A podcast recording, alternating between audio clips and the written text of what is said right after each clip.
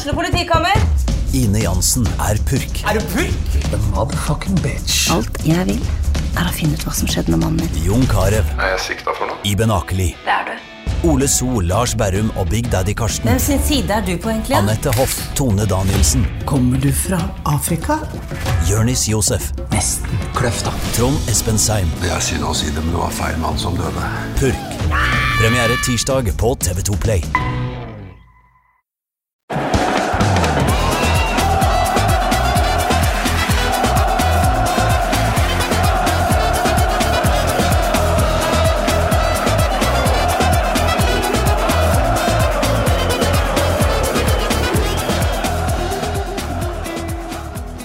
Nå er det ikke lenge til disse sølvgutta skal synge inn jula, og du skal være strigla og nypolert, og det skal lukte dau sau eller dau gris eller grøt eller lutefisk eller hva det nå er, i heimen. Men uh, før den tid så er tradisjonen tro uh, Pyro Pivo her, uh, for å gi deg den årlige podkasten du nesten glemmer at du trenger, nemlig uh, førjulsoppsummeringa av banehopperåret til Norges fremste banehopper, Marius Helgå. Velkommen. Uh, takk, takk.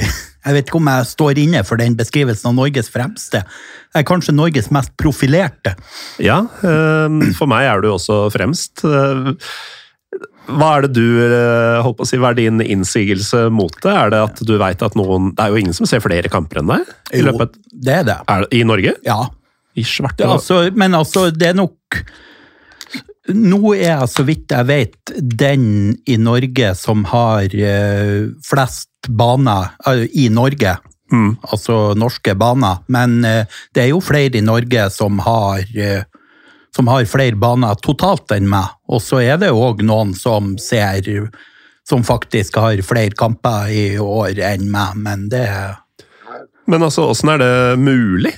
Fordi eh, jeg sitter her med et Excel-ark eh, som er langt som et vondt år, eh, som også danner grunnlaget for praten vår i dag. Det er jo altså 177 rader med fotballkamper du har vært på i, i 2022. Ja, det, altså, det, jeg landa på 172 kamper i år, og det er noen som har greid inn å, å klemme inn noen til. og Det bøyer jeg meg i støvet for deres innsats. Men hva Altså, Året har jo bare så mange døgn, og gudene skal vite at du går over eh, både lik og grenser for å få nye baner. Er det sånn at eh, de som får flere kamper, eh, kanskje er mindre ivrige på nye baner? At det er veldig mange gjen... Nei, i hvert fall en av de som har flere enn meg, har sett at har flere nye baner. Men han har reist veldig mye i år, så så Yes, jeg, jeg trodde helt seriøst at du, du var den drøyeste Nei da, det fins flere eh, med forskjellige diagnoser der ute. ja. Altså, Vi sier ofte i Pyro Pivo at det er mange gærninger der ute. Ja. Det er det, altså. Ja. Det, det, det fins alltids noe drøyere, liksom. Mm. Men eh, det nærmer seg jul, Marius. Eh, Du har jo vært her flere ganger tidligere. Du har synget for oss, og um, Jeg kan uh, trøste de som er bekymra med at det blir ingen sanging i kveld. Så episoden kan ikke Marius Helgå synger jula inn. Nei, Nei. Det Ja, det er kanskje for det beste. ja, det tror jeg. Men uh, vi sitter her, det er mandag 19. Åssen ligger du an? Jeg har- ganske kontroll i forberedelsene, tror jeg. Et par julegaver til jeg nok skulle ha kjøpt litt tidligere, men det satser på at det løser seg. I morgen skal jeg kjøre til Trondheim og så ha en liten pitstop der, og så på onsdag kjører jeg videre hjem til Rana. Og det er ikke en hvilken som helst pitstop i Trondheim. Eh, Du, eh, du er i ferd med å utvikle en eh, sykdom. Ja, jeg har visst pådratt meg et lite podkastbesøk der òg. En liten eh, visitt hos eh, Rotsekk. Ja. Da, da får du møte um, din um, hva heter det? Brother in arms når det gjelder um, VAR-fanatismen din. Nemlig han derre Almås. Ser du frem til det? Ja, han er hyggelig. Jeg har møtt han eh, I fjor ga han faktisk eh, en pakke røkt rogn i eh, julegave. Og når du sier det, så husker jeg faktisk For det var en Twitter-greie, eller noe sånt? Ja, ja, jeg sendte han jo melding at liksom Har du tid å møte meg i Trondheim? Da, da har noe til deg. Har noe rogn. Det er eh, Nei, det, det blir for drøyt. Eh, I dag, Marius, så, så skal vi jo eh, oppsummere ditt banehopperår, som jeg var inne på innledningsvis. Det er jo blitt en slags tradisjon her i podkasten. Kan jo også si til de som hører på at dette er årets siste episode. Så dette er sånn vi ønsker lytterne god jul. Etter alt vi allerede har utsatt dem for, så skal vi få høre om ja, du fikk med deg ti divisjoner uh, fotball denne sesongen, pratet vi om tidligere? Ja, altså i herrefotball så har jeg sett kamp på alle nivåer, fra én til elleve, bortsett fra tiendedivisjon. Mm. Og så I tillegg har jeg nå eh, toppseriekamper, eller toppdivisjonskamper for kvinner, og litt eh, treningskamper, litt sånn europacupkvaliker rundt omkring. Og så det har vært et mangslungent år, sånn sett. Ja, det skal vi gå gjennom med lupe her, men uh, først uh, er det litt bittert at tiendedivisjonen slapp unna? Eh, ja, altså Det er jo niende som har glappet, som er nivå ti. Ja, sånn, ja. Mm. det er, ja, i ettertid. Jeg har jo ikke tenkt på det underveis. Det er, For du er jo en kompletist? Ja, det er helt tilfeldig at det har blitt sånn. Jeg har jo vært på kamper tidligere i nivå 10. Men det har jo vært artig i år å kunne ha sagt at jeg har vært på kamp på alle nivåer fra 1 til 11. Så litt kjipt, men eh, sånn blir det når man ikke sjekker ting underveis. Next year in Jerusalem, ja, som man sant? sier. Men uh, vi kan jo bare begynne. Det er jo snart januar 2023, men januar 2022, da var du allerede godt i gang. Og jeg ser at du har lyst til å prate om, av alle ting, en treningskamp mellom Grorud 2 og Grei. Ja. Grei ut om det. Ja. Det var, eh, jeg starta sesongen dagen før med en kamp på Oppsal, eh, og så fant jeg ut av den eh, en søndag i slutten av januar at nå skal jeg til Grorud og se kamp. Og står opp, og det er så tjukk tåke at man skulle tro det var Holmenkollsøndag. Ja, eller at det var kvalik mellom Kristelig forening for unge menn og Nei, Jerv, mener jeg, ja. og, og Brann. Ja, det er eventuelt det. For jeg så ingenting ut vinduet av blokka hjemme, og fant på mystisk vis veien opp til Grorud, og der merka jeg når jeg gikk at det var kunstgress under føttene, men jeg så ingenting. Men kamp er det, så det var en veldig interessant affære. Så du hadde en indre Arne Skeie som idet du ser ut av vinduet ditt og ser at her ser jeg ingenting ut av vinduet, dette er en nydelig dag for fotball. Ja, det Så da fikk jeg se Grorud sitt andre lag slå naboene fra Grei 5-0, og mm det, de, de, det, det, ble i hvert fall jubla for skåring fem ganger. Jeg så ja. ikke alle fem skåringene, for noen av dem skjedde i motsatt ende av banen fra der jeg var, og da så man ingenting. Da er det jo sjanseløst. Ja. Men da var det vel også vanskelig å notere på Twitter og overalt ellers eh, både minutter og sekunder for skåringene? Ja, jeg greide jo å se telefonen min, så eh, Eh, så ut fra de jubelene jubelen, jeg hørte, så uh, fikk jeg jo Jeg kan jo nevne òg Det var en fyr der og filma den kampen. Steinar Pedersen filmer veldig mye fotball. Og han så jo heller ikke så veldig mye, men han greide ved hjelp av heftig etterarbeid av videoen å få noen bilder ut av det. Så han sa vanligvis det, det etterarbeidet som datamaskinen gjorde, det tok en til to timer.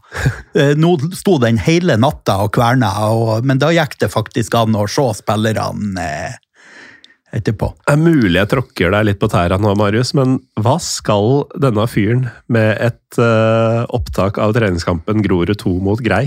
Nei, Stort sett så bruker han det til å distribuere til lagene. De mm. syns jo det er kjempe, for uh, han, uh, han skaper veldig mye bedre mm. bilder enn det de her automatkameraene gjorde og gjør. Og, så han gjør det for å være grei? Ja, rett og slett.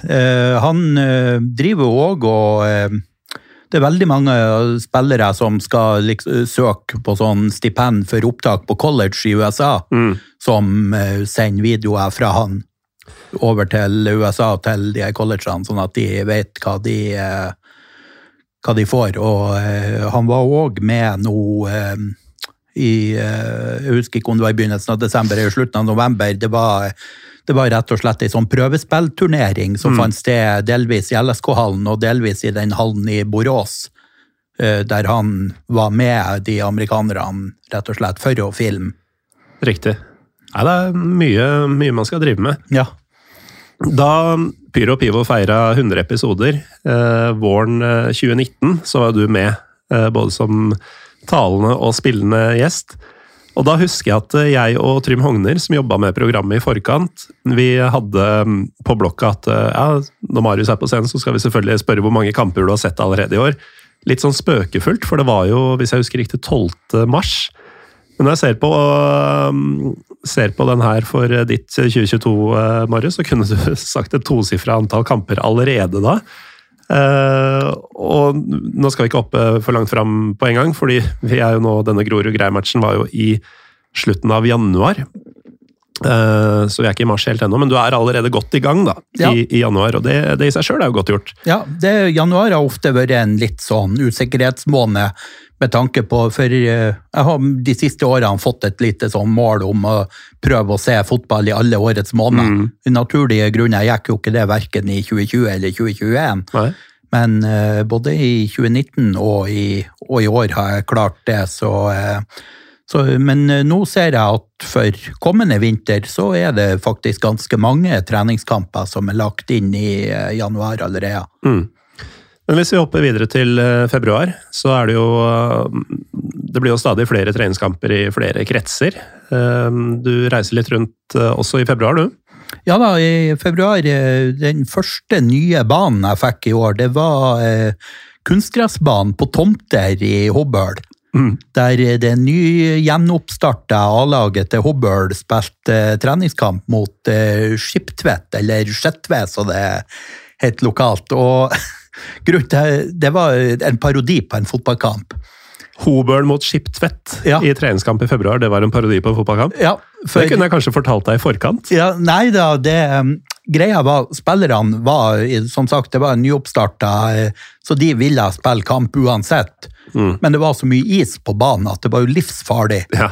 Og eh, ytterst langs kantene var det ekstra mye, så de hadde måttet sette ut sånn markeringskjegler og gjort banen eh, et par meter smalere på hver side. Så det var eh, harde forhold, men jeg tok turen, og det var òg en del andre banehoppere som hadde forvilla seg ut dit den dagen. For det hadde jo da naturlige grunner ikke vært kamp i Hobøl på noen år. Nei. Eh, Kan det være at du har snakka om dem tidligere, som et mål du hadde for framtida? Ja. noe sånt? Fordi det, når du, måten du sier Hobøl på, Ja. den uh, føler jeg at jeg har hørt før. Eh, Det har jeg nok nevnt, for eh, vi kommer tilbake til det. For eh, på idrettsparken der i Tomter, så er det jo i tillegg til en kunstgressbane en helt fantastisk gressbane. Så eh, jeg har vært der òg, så vi kommer tilbake til den litt senere på Ja. året. Så det blir, eh, blir en gjenganger i dag. Det blir det. Um, du har jo, altså, Vi var litt inne på at det var ikke så lett å breddehoppe i 2020 eller 2021. Um, eller få sett fotball eller gjort noe som helst egentlig i store perioder av de to åra. Um, 2022 har jo vært et fantastisk år sånn generelt nå, med tanke på frihetene man har og hvor normal ting er, uh, sammenligna med hva man har hatt de siste åra. Og neste tur du vil snakke om, den går jo da over grensa. Ja, det var eh, årets første eh, utenlandstur. Da tok jeg en eh, dagstur ned til Venersborg, Trollhättan-området. Det er jo to småbyer som i praksis er en mellomstor by. Det er liksom ei bru og et skogholt med en biltema imellom. På vei ned mot uh, Gøteborg?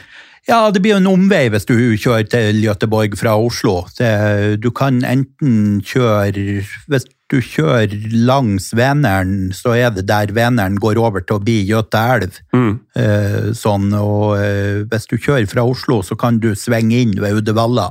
Og så ofte så nevnes eh, Vennersborg, Trollhättan og Uddevalla som en slags trillingboregion. Ja, riktig. Nei, jeg bare tenkte Siden Trollhättan mener jeg å huske er et stopp på toget mot uh, Det kan nok hende, for toget går jo litt i landet. Litt sånn snirklete. Ja, kysten av Bohuslän kommer vi tilbake til det òg. Den, den er litt sånn kronglete geografisk. Folk som eh, kjenner deg fra før, uh, veit jo at eh, det, det går ikke så mye i, um, i Pivo og sånn for din del, men eh, en svensketur eh, du, du har noen bonuser i tillegg til å få sett fotball når du drar over dit? Ja, jeg er jo eh, mer eller mindre avhengig av det fantastiske produktet Vanilla Coke, eller vaniljecola.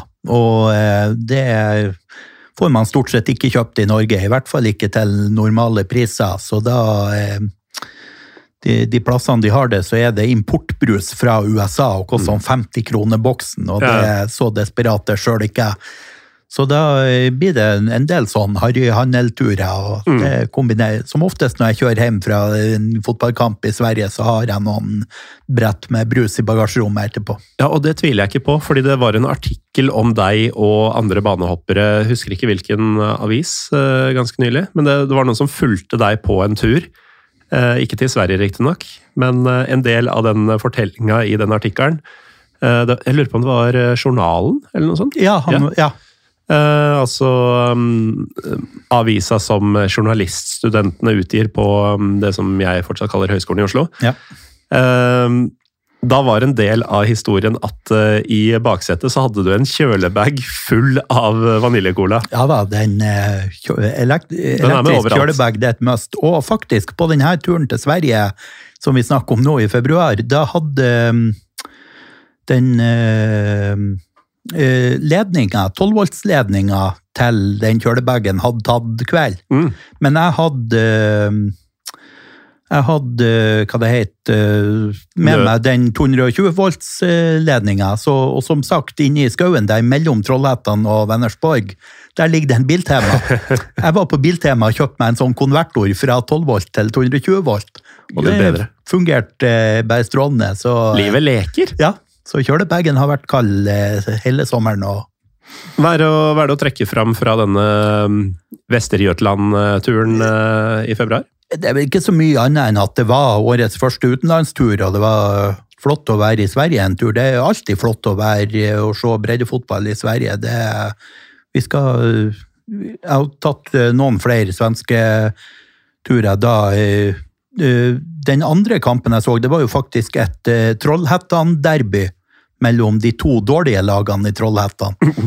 IFK Trollhättan og Trollhättans FK. Det finnes da òg et uh, FC Trollhättan, uh, som er Som er bedre? betraktelig bedre enn de her to. Det høres litt ut som judeisk folkefront og folkefront Ja, ikke sant? Det blir litt uh, Se for deg at det fantes et eh, Lillestrøm SK, Lillestrøm BK og FK Lillestrøm. Ja, og sportsklubben Lillestrøm. Ja. Um, uansett, uh, jeg, jeg har jo for så vidt også vært og sett uh, fotball i Sverige et par ganger i år. Men det har begge Egentlig har det Den ene var ikke tilfeldig i det hele tatt, den andre var det. Men begge gangene har det da vært Europacup med svenske lag på hjemmebane. Ja. Uh, noe annet enn treningskamper mellom de dårligste lagene i Trollhättan. Um, vi går videre til, uh, til en tur til um, Sunnmøre i, i april. Ja, eh, jeg hadde jo I påsken hadde jeg vært litt rundt omkring her på Østlandet og, og i Sverige òg. Men så avslutta jeg da påsken med, med at jeg skulle til Ålesund og få fullført eh, Eliteserien med å se eh, Ålesund-Tromsø. For Color Line stadion, det hadde jeg ikke vært på før. Eh. Men eh, da var det jo straks eh, terminlisten for de lavere divisjonene kom eh, inn og niles hva annet går det an å kombinere med. Og opprinnelig var det faktisk satt opp eh, kamper både eh, påskeaften, første og andre påskedag, men eh, jeg endte opp med at på første påskedag, mens, andre, mens andre folk tok de siste siste skiturene, så sto jeg opp grytidlig og kjørte til Ulsteinvik for å se andrelaget til Hødd eh, spille mot eh, Lillehammer i tredjedivisjon. Mm. Uh, der eh, Jeg ble eh, kjempegodt mottatt. Eh, Han eh, Arthur Garnes, som er litt sånn primus motor i den sunnmørske Oslo-klubben eh, Lokomotiv Oslo, han var jo hjemme på eh, på påskeferie, så han eh, ga meg omvisning på Hødvoll. Og, eh, fikk, eh, og det, jeg vil eh, benytte anledninga å skryte av pølsen der. Ja, Det er dere i Ulsteinvik noen gang, eh, så kjøp pølse på stadion. De hadde noe sånn grove, lokalproduserte pølse som var helt fantastisk. Ja, for jeg skulle til å si det at du, du trekker jo ikke fram en stadionpølse hvis det bare er en godt tilberedt wiener.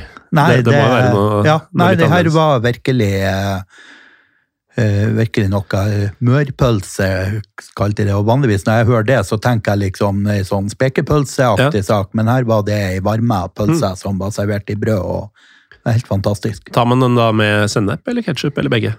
Eh, jeg tror jeg faktisk jeg kjørte den eh, naturell. Nei da, Mm. jeg ser bildet mitt nå. Jeg hadde, jeg hadde både og. Ingenting overlatt til tilfeldighetene når du skal berette om uh, Hødd 2 mot Lillehammer. Jeg er jo faktisk, eh, Dette tror jeg ikke jeg har sagt til deg ofte, eh, Marius, men jeg er litt misunnelig på akkurat den. Fordi eh, den første sesongen jeg virkelig fulgte med på Eliteserien, var 1995. Da var Hødd oppe. Mm. Og um, jeg syns jo som elleveåring at uh, det var litt gøy at det var et Hødvoll Ja. i tillegg til et Ullevål. Mm. Um, og så har man i tidene etter bare hørt om dette stadionet i havgapet, og det virker rett og slett litt eksotisk. Det er det, men nå er jo Jeg antar Jeg er ikke helt sikker når de bytta, men nå spiller de jo på et nye Hødvoll som ligger helt inntil gamle Hødvoll, som var gress. og eh, Det eneste som skjer der nå, tror jeg, er at han Karsten Warholm driver og sprenger rundt på løpebanen der. Eh, mens eh, denne kampen gikk jo da på det kunstgressbanen eh, rett ved, som har ei eh, mye flottere og større tribune, blant annet, og sånn, men men jeg, som sagt, jeg så meg rundt på anlegget, og eh, den, eh, den gamle var absolutt flott, så det hadde ikke trengtes å gjøre så mye annet enn å klippe gresset for å spille en kamp der òg. Nå i, I påsken vil kanskje kampen ha blitt flytta til kunstgress uansett, men Ja. eh, jeg ser for meg at det hadde ikke reglene for eh, for banebytte vært så rigid, så kunne de eh, i hvert fall i, i div- tredje divisjon, som jo det her var, har, har spilt uh, har, bytta litt. Men man Mm. ser jo uh, for eksempel eh, Alta, uh, som jo har en flott utendørsbane, men som jo alle skjønner at ikke kan brukes hele året. De får ikke lov å bruke den. De Mm. må velge en bane, og da må det nødvendigvis bli inne i hallen. Og jeg antar det er litt samme greia her. Så mye kjipere det gjør eh, norsk fotball generelt, og eh, livet for supportere av disse lagene. Ja. Men, eh, men det får vi la ligge. Jeg, jeg tror faktisk, altså nå jeg er jo en av dem som er veldig glad for at Kristiansund gikk ned. Og jeg tenker jo at vi eh, kunne godt blitt kvitt enda et av de laga som vi har i Eliteserien fra, fra um, Møre og Romsdal.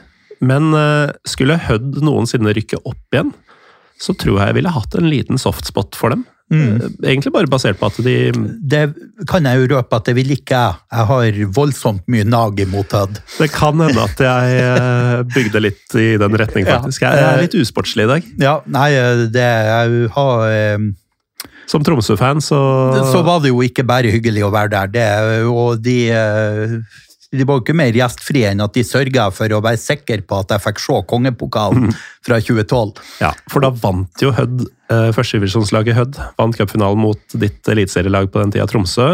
Eh, et Hødd-lag med Ørjan Nyland i mål og Pål André Helland på banen. Ja, Ørjan Nyland sto sitt livs kamp. Han har bygd en hel karriere med toppfotball over hele Europa på en god kamp. Cupfinalen 2012. Eh, dagen etter så var det en eh, double header. Du eh, var på Spjelkavik-Florø. Ja, jeg hadde ordna meg overnatting først på eh, Det kan jeg ta reisetips for de som skal til Ålesund. Eh, Ute ved flyplassen er det et sånn eh, veldig enkelt hotell. Ikke noe frokostservering og eh, så tynne vegger at du hører alt som skjer på alle de andre rommene. Mm. Men det er stort sett ganske rolig der, og, eh, og det er kjempebillig å bo der. Så Mm. det er absolutt eh, I hvert fall når man sånn som jeg har nå hatt med bil, Mm. så er det veldig greit å eh, holde til der ute.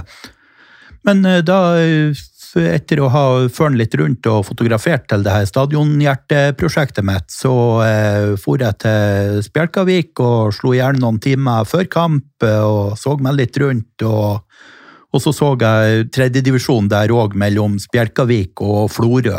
Samme avdeling som Hødd 2 og Lillehammer, eller? Ja. Eh, Så eh, da fikk jeg enda en bane før jeg da avslutta dagen på Color Line stadion i, i lag med mine med-Tromsø-supportere, og det var jo en, eh, en flott opplevelse. Vi var ikke så innmari mange, men jeg tror alle var med og sang. Mm. Og det, jeg har vært med på at vi har vært betydelig flere, og det har blitt mindre. Vi har vært færre som var aktive, aktive supportere, men her var vi uh, ganske få, men uh, det var mye trøkk. Og det var, uh, en kjendistung tribune. Han, han eh, Moddi er jo eh, aktiv, han er veldig aktiv og reiser masse rundt og prøver å legge opp turnéene sine ut fra terminliste etter Eliteserien. eh. Så han var der, og så dukka plutselig opp òg han eh, Mikkel Gaup. Ja vel. Bare, bare kikka bort på tribunen. Der så det kjent ut. Er det? Ja, det er det. Og da, Han var der, og han var med og sang. og Ja, og For vanlige folk så er det jo sånn «Å, Shit, der er Marius Helgå. ja. Og eh, Det er faktisk ikke en spøk. Eh, Tilbake til den episode 100 her i Oslo for snart fire år siden.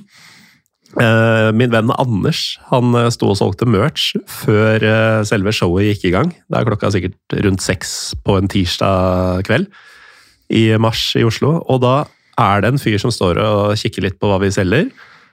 Og så hadde han sagt til han Anders, da, som jo ikke veit hvem noen av disse folka er, helt uinteressert i fotball, eh, bare en tilfeldig innleid kompis, holdt jeg på å si. Han sier da til Anders Å, shit! Det er Marius Helgå! Så dette kan skje. Ja, jeg, jeg har hørt at det har skjedd andre steder. Mm. Uh, men uansett, du komple kompletterte, er det Ja. det man sier? Uh, Eliteserien. Ja. Må føles godt. Ja, det var godt. Jeg hadde, jo, jeg hadde den jo komplett i fjor, eh, men så kom jo Ålesund opp, og, så da eh, blir det nye lag som må dekkes inn. Eh, og så på hjemturen etterpå så eh, kjørte jeg da korteste vei eh, via Gudbrandsdalen og stoppa på Åndalsnes og møtte noen LSK Ultras som var på vei hjem fra Kristiansund, eller hvor det var de Molde. hadde vært. Molde var det. Hadde vunnet på overtid. Ja, sånn var det. Det, Ja. Da lå jeg eh, på et hotellrom i Paris jeg, da det skjedde. Mm. Det føltes litt bortkasta.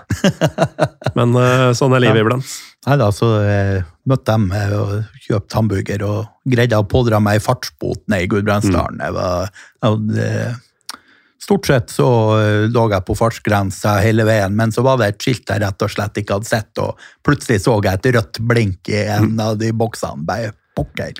Men altså, det er jo klart eh, logistikken når du legger opp disse turene dine, blir jo en del enklere i og med at du er eh, avholds, eh, for det første. Ja. Men du drar jo ofte på lange kjøreturer aleine. Altså, jeg håper du trives i eget selskap og trives bak rattet. Jeg har Ja. inntrykk av begge deler. Jeg gjør det, og så trives jeg jo ekstra godt når jeg kan ha pyro og pivo på mm. stereoen. Ja. Det, så det er alltid, alltid litt ekstra stas med en sånn lang kjøretur når det nettopp har kommet en ny episode, eller jeg ikke har rukket å hørt forrige ukes ennå. Og de smigrer. Hører du eh, på dine egne episoder? Eh, ikke sånn når jeg kjører, det hender jeg hører litt fragmentarisk på de, men jeg bruker Ja. ikke å høre på de til vanlig. Jeg har, slitt, jeg har litt problemer med å høre på meg sjøl Mm. etter hvert.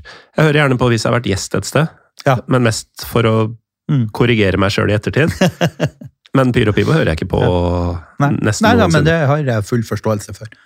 Eh, Jeg har også full forståelse for at når mai kommer og våren begynner å blomstre litt, så tar du en tur til Sørlandet. Ja, jeg vært rett og slett å feire bursdagen min på Sørlandet. 6. mai eh, fylte jeg 45, så da eh, kjørte jeg til Sørlandet i håp om å få se en kamp i hva det heter mm, uh, Det var en eller annen bane rett utfor Kristiansand, jeg husker ikke noe hva den heter. Men den, Men den ble ikke noe av. Nei, den kampen ble på kort varsel avlyst, og da Mm. måtte jeg bare hive meg rundt og eh, finne en plan B. Så da måtte jeg kjøre litt lenger vest og havna i Lyngdal og så en eh, fjerdedivisjonskamp der mellom eh, Lyngdal og Rygene. Eh, Selve kampen, det var et forferdelig vær den kvelden, så normalt så går jeg jo hele tida rundt banen og tar bilder og sånn, mm. og det, her var det tribune med tak, så da ble jeg sittende på tribune med tak.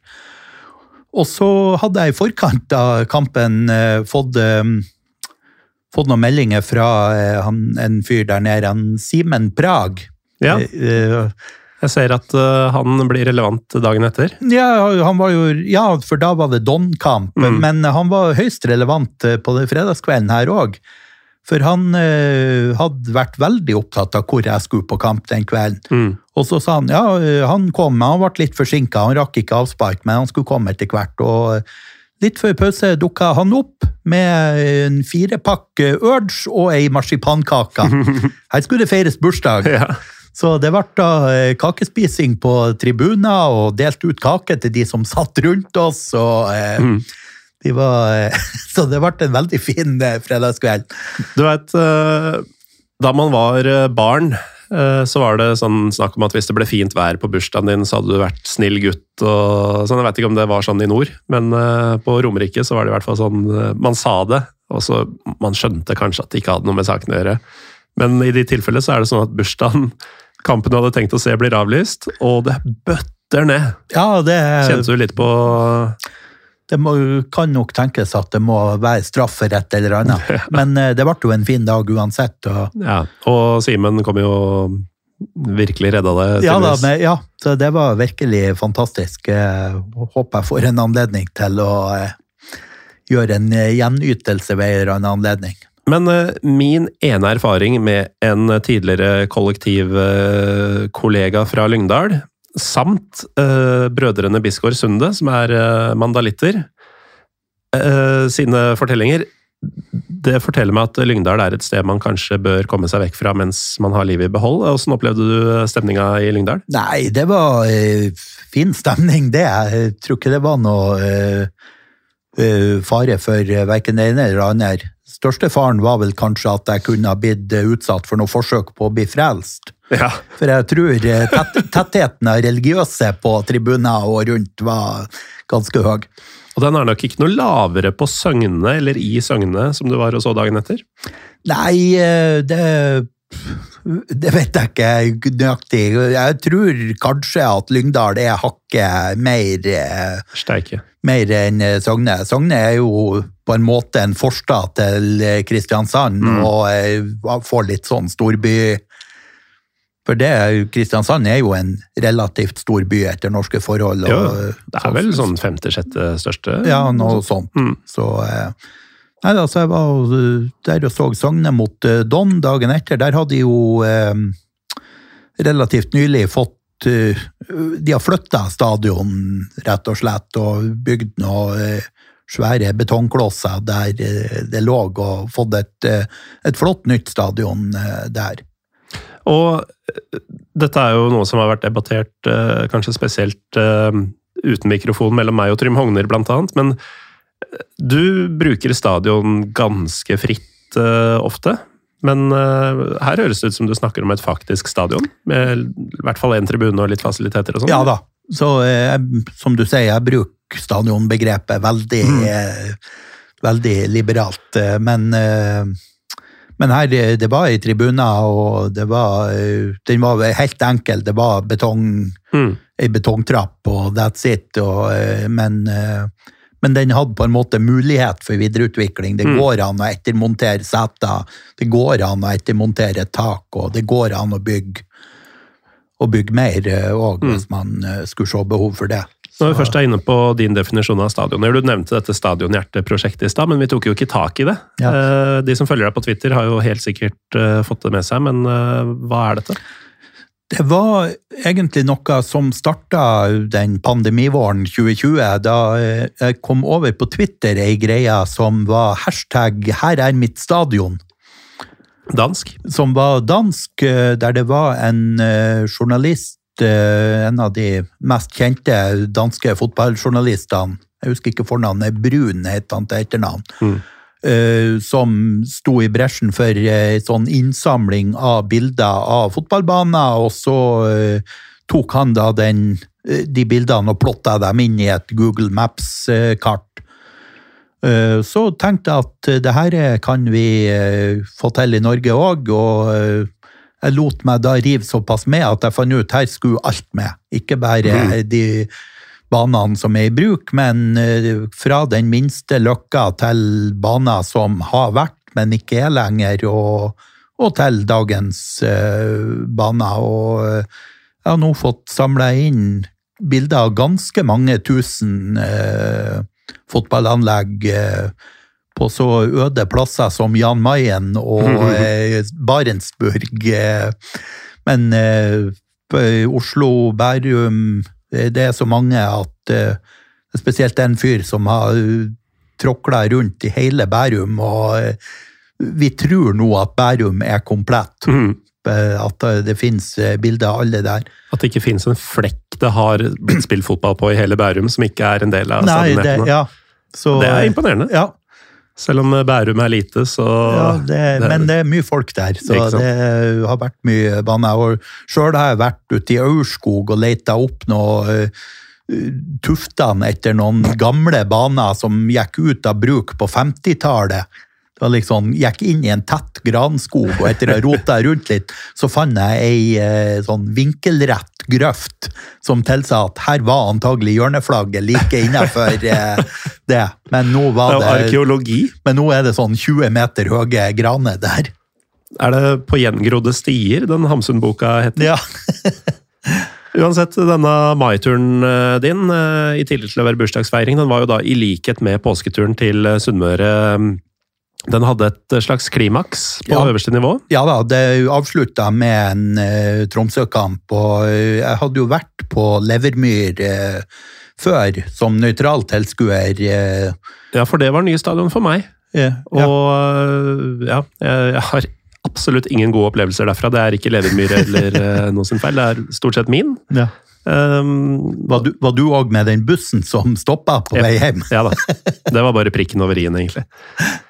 Um, men du hadde vært der før. Men uh, Var det annerledes som bortefan? Eller det er det jo selvfølgelig. Det var det jo absolutt, og det var jo òg annerledes som med Jerv som en eliteserieklubb enn eh, Nå var det litt spesielt den gangen jeg var der i første gang, det var derby mot Arendal. Det var en av de sesongene Arendal var oppe i uh, førstedivisjon. Mm. Men eh, nå var det, det ble jo noe annet å være der som bortesupporter. Vi var ikke så fryktelig mange da, men eh, eh, det som var litt spesielt, var jo at vi, det var noen som prøvde å ta oss. Unnskyld? Ja, nemlig. Jerv-fans som skulle ta Tromsø-fans? Ja, de hadde i hvert fall jervtrøye på seg, men eh, vi tror de var polsk. Og de hadde relativt høy promille. Høres polsk ut. Og det, der, det er jo bare et sånt eh, lavt skillegjerde mellom hovedtribunen og bortefeltet der eh, på Mm. Levermyr. Og eh, det var en som begynte å komme der, og det sto jo en vakt der og prøvde å avvise ham, men han var litt slitsom, så gikk de opp helt øverst på tribunen, og eh, det var tydelig at de var ute etter å komme over og lage bråk. Hmm. Eh, Men så etter en stund forsvant de, og da sa jeg det til, for da så jeg det at de, gikk faktisk ut og forsvant bak på andre sida, så da sa jeg det til han vakta at eh, her er det bare å tilkalle folk, for de, der, de kommer til å komme hit til hovedinngangen. Så sier han eh, nei, det gjør de da vel ikke, da er de jo helt idiot. Så jeg bare nikka. Ja, nettopp. og eh, jeg fikk rett. De Ja. opp der, så det endte faktisk med at politiet ba oss om å eh, vente litt med å gå. Sånn, og så etter en stund så fikk vi høre at eh, de hadde knabba et skjerf fra noen helt tilfeldig, og så lagt eh, på sprenging til skogs med politiet etter seg. så, eh, så sånn er det i eh, Grimstad. Nei, Ja, det var eh, supporter, altså de eh, Svaberg eh, tok det veldig på alvor, og jeg fikk eh, sendt bilder av dem som jeg hadde tatt til eh, han supporterkoordinatoren, så Mm. de skulle i hvert fall gjøre sitt for at ikke for at ikke den der gjengen dukka opp igjen og plaga andre. Nei. For ellers så Det var jo litt spesielt, for eh, det er jo en av de virkelig fine tingene med å være Tromsø-supporter. Det er ikke så mange plasser det blir bråk. Nei, det er, ikke, det er ikke alle som er ute etter dere. Nei, det er Jeg var jo, Alfheim var jo også ny for meg i år. Mm. vi er jo i mai her, så det passer jo bra. Det var da, da Lillestrøm var i, var i Tromsø. Og um, litt i forkant, eh, om det bare var noen dager kanskje, så hadde jeg jo hatt en episode om Forutsa Tromsø. eh, som da eh, Vi tok en overnatting, da, så lørdag kveld så møtte jeg noen Tromsø-supportere på byen som hadde hørt episoden og ville prate supporterkultur og sånn. Det var jo hyggelig. Og så um, viser det seg at denne puben som uh, Morten Killingberg hadde prata om på episoden, den ligger jo i praksis bak bortefeltet. Så um, både før kampen og i pausen så gikk jo flere av oss på den puben. Mm. Og der var jo også Forsa Tromsø. Ja. Det, det er jo nesten absurd i norsk, eh, eller i elitefotball generelt, da, i 2022 at det går an å blande på å si, den type supportere på stadion. Ja. Men det, det var jo bare hyggelig. Mm -mm. Så ja, jeg skjønner at Tromsø blir nok overraska det når, når polske Jerv-fans skal Ja, ta dem. ikke sant? Eh, tre uker seinere, så um, da slo du virkelig på stortromma. Da ble det, så vidt jeg kan se, åtte matcher på fem dager. Ja, det var rett og slett en uh, trøndersk uh, Kristi himmelfarts-langhelg. Og da var det ikke en match over fjerdedivisjon av, de- av de åtte. Nei, det skulle egentlig starte på onsdag kveld, blir det vel, med Kristiansund-Tromsø. Mm. Men så fikk jo alle i Kristiansund feber. Ja.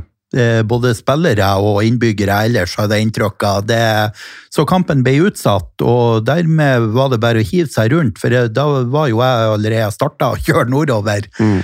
Eh, og hva, hvilke andre muligheter finnes, og jeg fant da en uh, sjettedivisjonskamp på eh, Støren eh, rett sør for Trondheim, og det var jo helt ideelt. Jeg skulle, uh, ideelt er å finne en sjettedivisjonskamp på Støren. Ja, for det ble jo ikke noe omvei. Nei. Nei, sånn, ja. Ja. Så, eh, for jeg skulle ha base i Trondheim hele denne langhelga, mm. og uh, søstera mi bor der, så da hadde jeg gratis seng.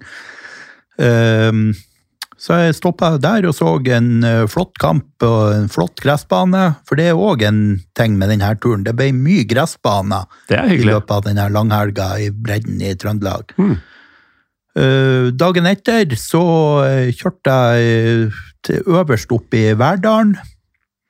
Til eh, en sidedal som eh, da man kan kanskje tro at uh, har noe med meg å gjøre, for den heter da Helgådal. Ja. De lokale sier vel Helgådal. Litt øh, fremmed informasjon for noen er jo at mitt mellomnavn er Dal.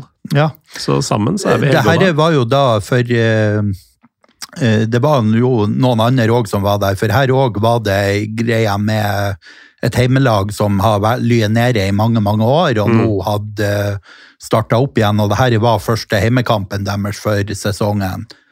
Så det var jo flere hundre tilskuere. eh, Det her òg var sjette divisjon, i annen avdeling. eh, Helgodal Beitstad. Ja. Folk strømmer til. Ja, og eh, blant de som hadde strømma til, så var da han eh, Tore Skjølberg, tidligere breddedommer i eh, Trøndelag, og nå eh, lagleder for eh, utleire av futsal. Men, og han hadde da òg med seg han eh, Marius Dahl, som Ja, er journalist. Dette er jo to Twitter-legender. Twitter-legender, rett og slett. Og han syntes jo da det var helt fantastisk å få ta et bilde av Helge og Dahl på Helgå Dahl-kamp. Ja, der har du den. Eh, Stor opplevelse for alle involvert. Ja, øh, og Bates, da, som bortelaget, da fikk jeg jo òg møtt han Hva det han het? Kvern et eller annet.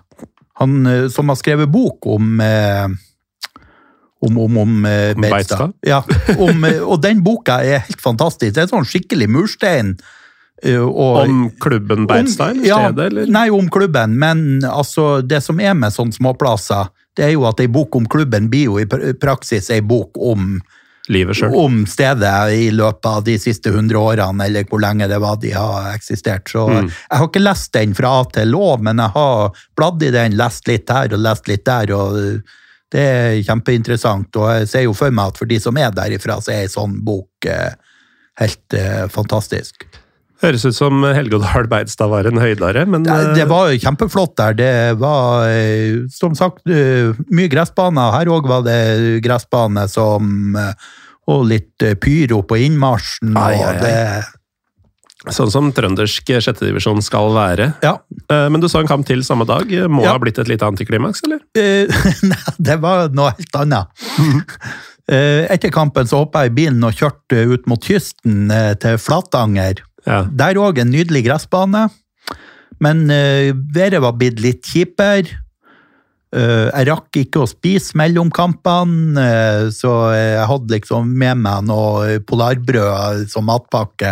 ja. Og uh, spist mens jeg venta på avspark på den andre da. Og Og dette har vi vært innom mange ganger. At du kjører på med polarbrød og noe servelat eller noe Ja, sånt i, i bilen ofte. ja, Og du legger gjerne ut bilder av at du sitter og spiser i bilen, hvor da jeg alltid svarer når jeg ser det, med hashtag dashbord. Ja. Jeg får aldri noe respons på det. Jeg syns det er helt storveis. ja. Nei, men det Men du kjører ut hit for å se Flatanger 2 mot eh, Sørlia slash Innherred. Ja. Det er for spesielt interesserte. Eh, absolutt. Eh, så det, men eh, det var den muligheten jeg hadde for å få to baner den dagen. Og eh, det ble jo mørkt, og det var ikke flomlys på den banen, så på slutten av kampen da var det bare å glemme å få fotografert noe særlig. Mm. Men der, eh, som sagt, på den første kampen var det pyro. På den her var det ei storstilt banestorming. Unnskyld? Ja, banestorming. På Flatanger 2. Flatanger 2. Men eh, de som da storma banen, det var en saueflokk. Ok, nå snakker vi Flatanger 2. Ja. Så det Jeg sto der og ante fred og ingen fare, og plutselig kommer det en 20 sauer sprengende inn på banen og uh, uh, må jages vekk. Uh, og litt seinere kom et par av dem tilbake, og faktisk, når ett av målene ble skåra, så var det sauer inne på banen. Jeg var veldig spe For det var sånn tydelig et farlig angrep.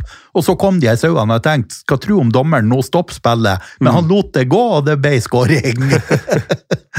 og det, det mener jeg var helt rett, for de sauene de forstyrra nok mer han som var i angrep, enn enn det forsvarende laget. Ja, så sauene mm, var ikke en fordel for det forsvarende lag. Nei, Setninger aldri sagt. nei, ikke sant. Eh, Men du er jo knapt halvveis du, denne, denne langhelga her. Ja, Eller hva det er. Fredagen var jo inneklemt eh, dag, så da hadde jeg faktisk hatt heimekontor eh, fra Trondheim. Og så på ettermiddagen så tok jeg bussen inn til sentrum, og så tok jeg hurtigbåten over fjorden til Vanvikan. Da fikk bilen ferie den dagen. og... eh, for i Vanvikan der er det ikke lenger fra kaia opp til eh, stadionet at jeg tenkte det kan jeg gå.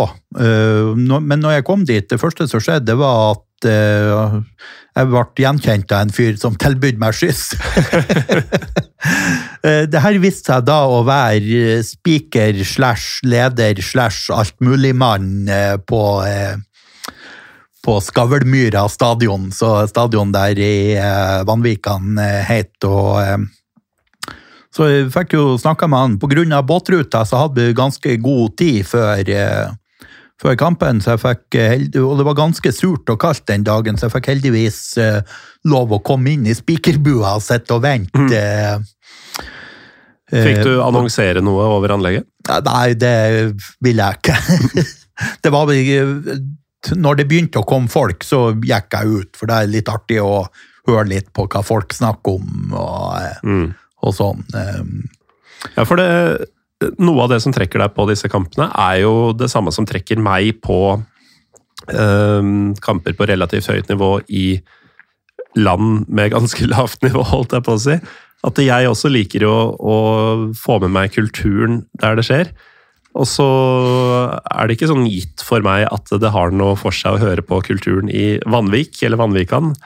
Men det har jo det. Altså, Det- Norge er jo et vidstrakt land med mye personlighet. ja, så eh, det opplever eh, litt sånn folkelivet. og Jeg fikk sett meg litt rundt, som sagt. eh, Nok en gressbane. Nydelig lita tribune. Dette var femtedivisjon, så det var jo rene toppfotballen. eh, sammenlignet med dagen før. Nydelig lita tretribuner med antagelig Norges eh, tettest plasserte innbytterbenker. Det var han eh, hjemme- og bortebenk helt inntil hverandre på side, samme side av tribunen. Kan bli trøkt, da. Ja, det var eh, spesielt, eh, men eh, denne kampen var relativt eh, rolig. Men jeg så for meg at det kunne være eh, livlig, eh, livlig der. Ja. Eh, Så det ble en fin kamp, og Men det ble eneste kampen den dagen. ja, som sagt, det her var en arbeidsdag, så da var det jo bare kveldskamper. Eh, eh, Men dagen etter, da var det lørdag, så da eh, heiv jeg meg i bind igjen med mål om å se to kamper. Det var for øvrig samme dag som Champions League-finalen.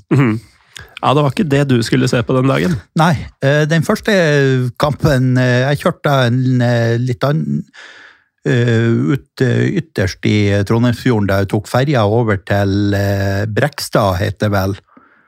Og så kjørte jeg litt rundt. Jeg var innom hos en fyr eh, som jeg hadde funnet på finn.no og kjøpt meg et nytt eh, objektiv til kameraet. Eh, Og så kom jeg da til Åfjord, Ja. der, eh, og så eh, femte, nok en femtedivisjonskamp. Det her var på kunstgress mot eh, Kiel Hemne 2 fra Kyrksæterøra. Ja, og det er jo en klubb eh, og et sted eh, som eh, faktisk er ordentlig Altså, de har gjort seg bemerka i norsk fotballhistorie.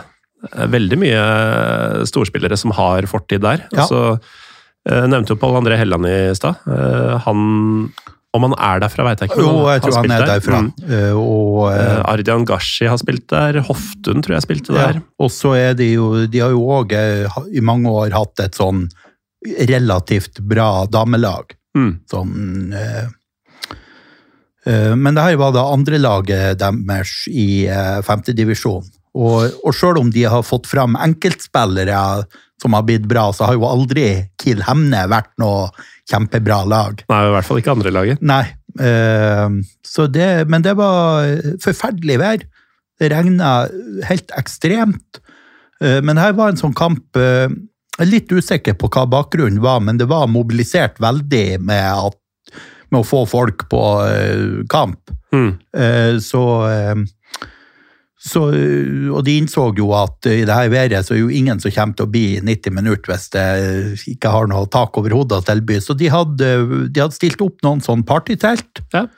Eh, Og folk sto jo som sild i tønne. inni de, de som sto bakerst, så ingenting, men man er jo ikke på fotballkamp for å se på kampen. Nei, er du gæren? Man er der for å telle sekunder og Ja, ikke sant? Eh, og så eh, Og i tillegg har de gjort noe jeg ikke har sett før, men som flere kunne ha lært av. De har rett og slett tatt For på en norsk breddebane så står det jo alltid ti mål som ikke er i bruk. Mm. Eh, Noen eh, er like stor som de vanlige, noen er litt mindre. og sånn. De har tredd presenning over noen av de, sånn at man kunne stå inni de målene og Ja. være tørr. eh, Det er jo Ja, det på var- grensa til genialt. Ja, det var helt fantastisk. Så mm. sånn sett uh, gikk det, an å, gikk det an å være der gjennom kampen.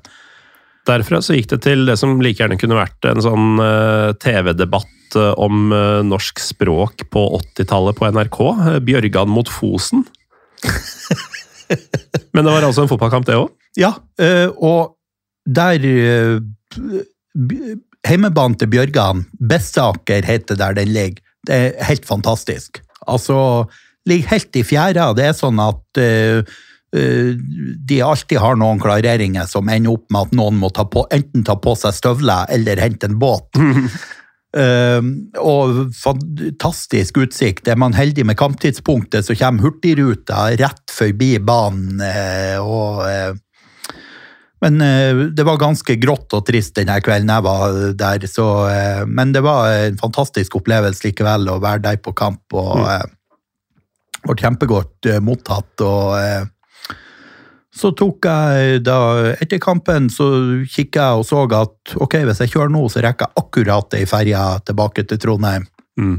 Så det var bare å hive seg i bilen, og så trodde jeg skal, skulle høre begynnelsen på Champions League-finalen på radio, men det tok jo sin tid før den kom i gang. Stemmer det. Så eh, Men eh, da ble det Til slutt eh, kom jeg meg nå tilbake til Trondheim, og til slutt ble det fotballkamp òg, så jeg fikk eh, faktisk sett den på TV. Slutten av den. Jeg så vel nesten hele andreomgangen på, eh, på TV.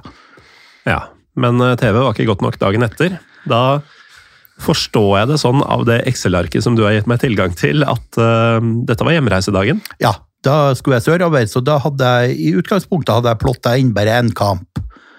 Eh, og det var på Tynset, som jo ligger eh, helt nord i eh, Innlandet, men er en del av Trøndelag fotballkrets. Og da var det fjerdedivisjonskamp. Nok en nydelig gressbane oppå Nytrømoen, tror jeg det heter, i Tynset. Der Når jeg kom, så i og med at jeg skulle kjøre videre senere, så ville jeg jo gjerne ha strøm på den tidligere nevnte kjølebagen. Det er viktig. Eh, Så det første jeg gjorde når jeg kom dit, var å spørre om det var noen plass jeg kunne plugge den inn. Jo da, borte ved den snøfresen der er det ei stang med en stikkontakt på. Så det Borte ved sto, snøfreseren er det en stang med en stikkontakt. ja, så der sto den utendørs plugga inn da i, Ja. under kampen. Det var helt strålende. Da ble vaniljecolaen kald. Ja, det, ja det, den der kjølebagen den er ikke så god å få til en kald, men den er ganske god å holde det kaldt. når det er, riktig. Så det er litt sånn avhengig av at Mm. det er kaldt uh, i utgangspunktet. Ja. Men det tipper jeg det var, for dette var tidlig på hjemreisen. Ja da, så det var helt strålende. Mm. Jeg kjørte uh, Jeg så uh, den kampen, og for øvrig Det var mot Strindheim 2. Mm. Og kapteinen til Strindheim 2 han har bare én arm. Ja vel. Jeg møtte, og dette høres ut som en spøk eller starten på en vits, men eh, da jeg var i Romania i eh, februar, så møtte jeg en enarma keeper. Oi! Han var eh, godt oppe i åra. Han var vel nærmere 50. En venn av eh, Emi, som vi begge Ja. kjenner. Mannen bak Football in Heaven, eh, breddeoppingsturene. Uh, nei da, han fyren her hadde vært keeper eh, hele livet, og var det fortsatt. Uh, godt over oldboys-alder, men uh, hadde fortsatt kontrakt med noe sånn type femtedivisjonsklubb eller noe. Mm. Hadde da lært seg å kompensere ved god posisjonering og Ja, det vil jeg tro er et must. Men ja, da Fredrikstad var i Eliteserien, så hadde jo de også en utspiller. Håkan Søderskjerna, som Mm. hadde enarm. Ja. Så det, det fins. Han her, øh, for øvrig, jeg googla han øh, litt, og da dukka det opp et sånn øh, stokkfoto fra Reuters eller et eller annet sånn nyhetsbyrå fra han var barn i han kom fra Liberia, og det var ei bombe eller Mm. noe sprengulykke. Så, så det var når han var på sykehuset som barn, Ja. han. Så, men nå er han altså i Trondheim og spiller fjerdedivisjon for Strindheim. ja. Det er fort sånn det går Ja. med de historiene. Eh, men eh, som sagt, du er helt nord i eh, Jeg sier Hedmark. Ja. Det er veldig mye jeg ikke anerkjenner av navneendringer de siste 20 åra. Støtter fullt og helt. Takk. Du kommer deg ganske langt sør i Hedmark og finner ut at Ja. det er en match til. For som sagt, jeg hadde egentlig bare tenkt å se en kamp den dagen, men så kikka jeg litt på terminlisten og klokkeslettene, så oppdaga jeg det er en kamp i Rommedal. Rommedal mot Moelven 2 i sjette divisjon. Mm. Så jeg svinga av litt før jeg kom inn på E6, og så fant jeg nok en flott eh, fotballbane og eh, Eller, ja Det var et stadion som nok en gang i tida har vært et ganske fint friidrettsstadion. Ja. Nå var det verken en fin fotballbane eller et fint eh, friidrettsstadion. Det var litt forfallent. Mm. Og jeg og et par andre eh, karer, vi har hatt det litt sånn eh, tært på eh, å ha en streak gående med kamper med scoring. ja. Og jeg tenkte ja ja, sjette divisjon Indre Østland, da eh, er det skåringsgaranti. Renner inn. Ja. Det røk da min 170 noe lange rekke med kamper som ikke hadde endt eh, 0-0. Og det er jo eh, Altså For deg så er jo det bare sånn novelty-greie, men Mm. det fins jo gærnere banehoppere, spesielt engelskmenn, Ja. som da ikke vil anerkjenne stadionbesøket. Der er ikke du. Nei, der er ikke jeg, men jeg har hørt om de som mm. tenker at 0-0-kamp, da har de ikke vært der. Så Nei. da Nei, for det er, det er en sånn sjekkliste som disse gærneste har, om ting du må ha Ja. gjort og sett på stadionet. Uh, sen scoring er jo da en av dem. ja. Jeg har for øvrig fanga opp en ting fra noen av de eh, gærne engelskvenneren, Det at hvis det er mulig, så skal jeg gå rundt banen. Mm. Det, så det gjør jeg når jeg har muligheten. Ja.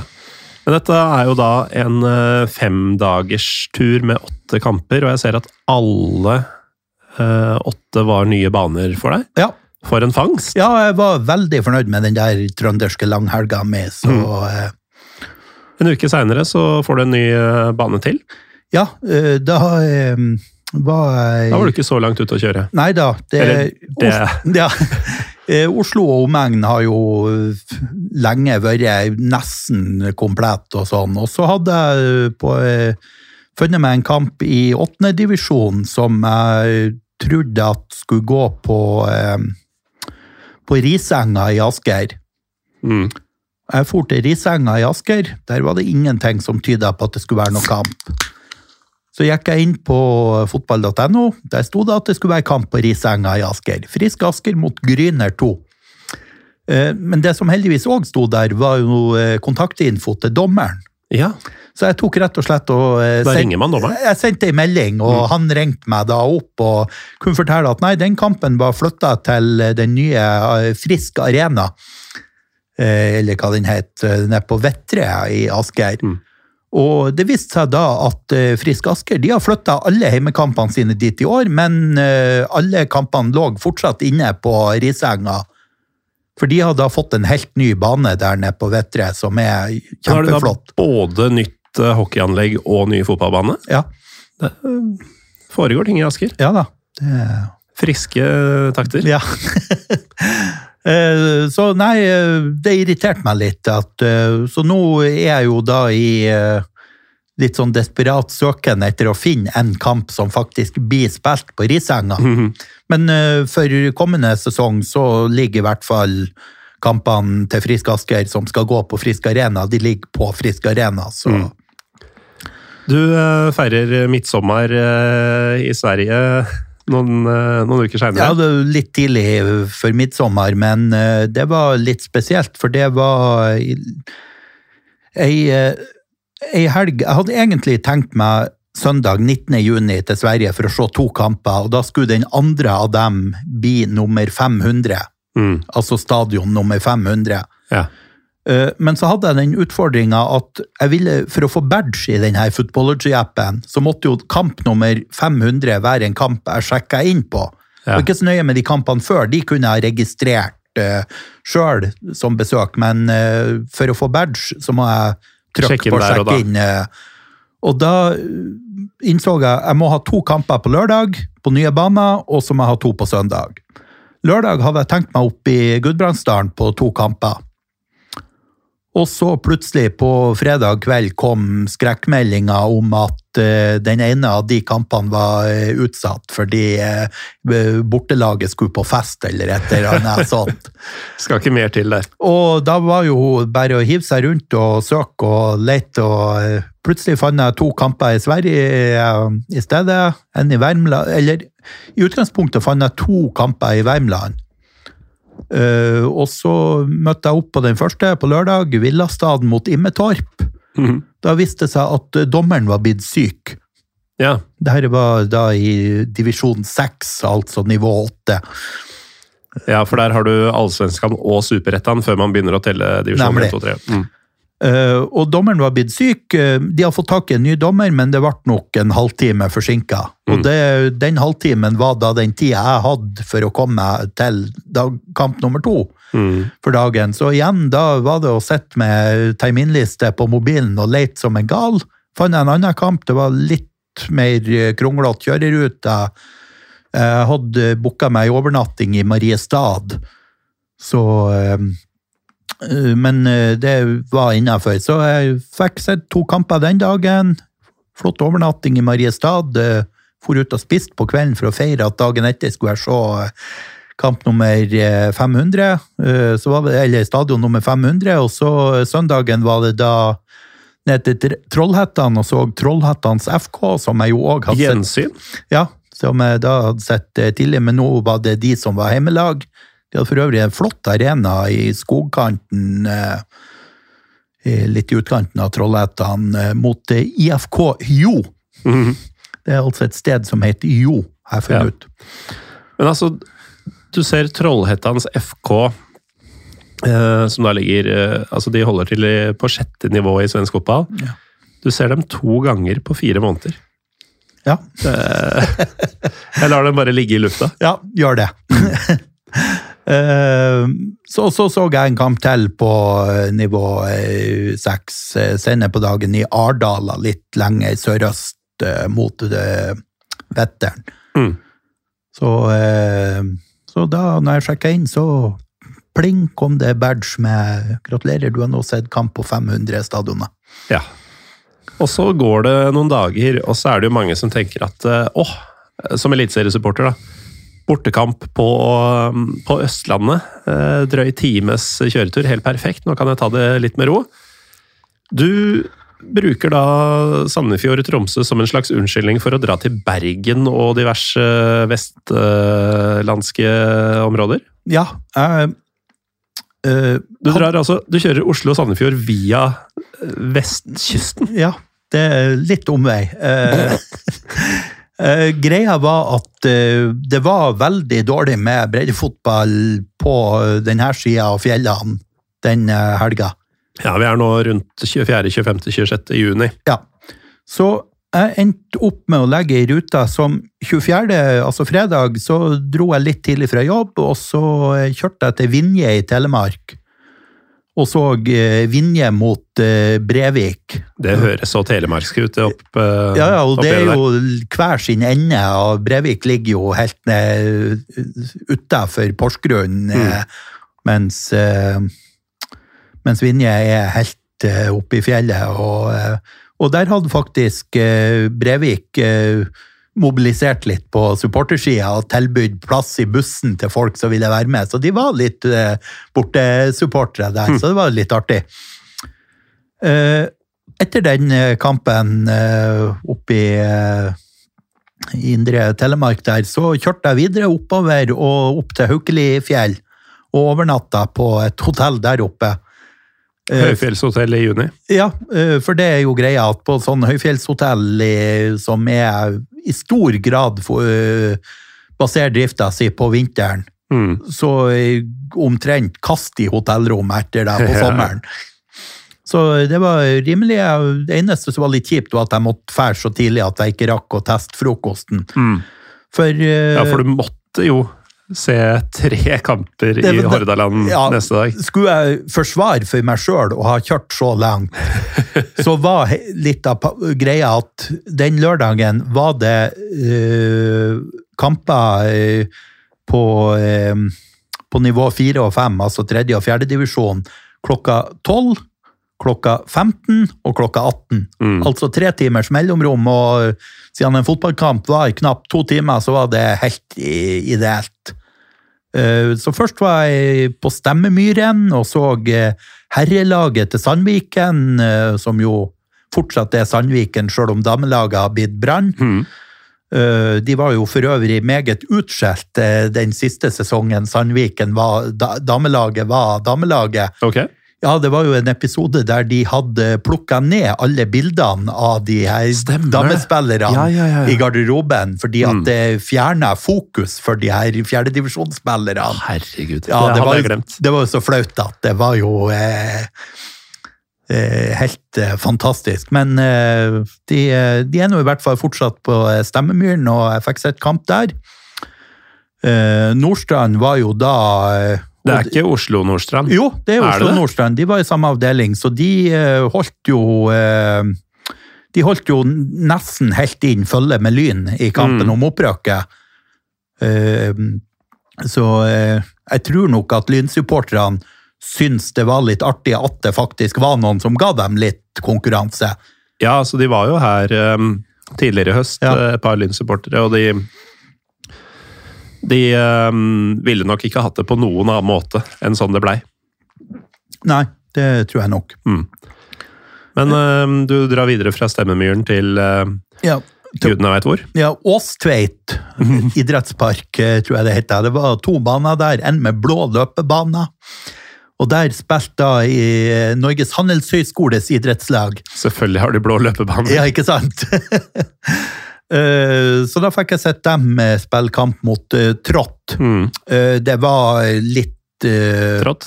Nei, det var litt rått, Mm. partiet. For det her var jo i slutten av juni, og et studentbasert idrettslag i slutten av juni, Ja. de hadde jo gravd fram spillere som ikke hadde rørt en fotball på årevis.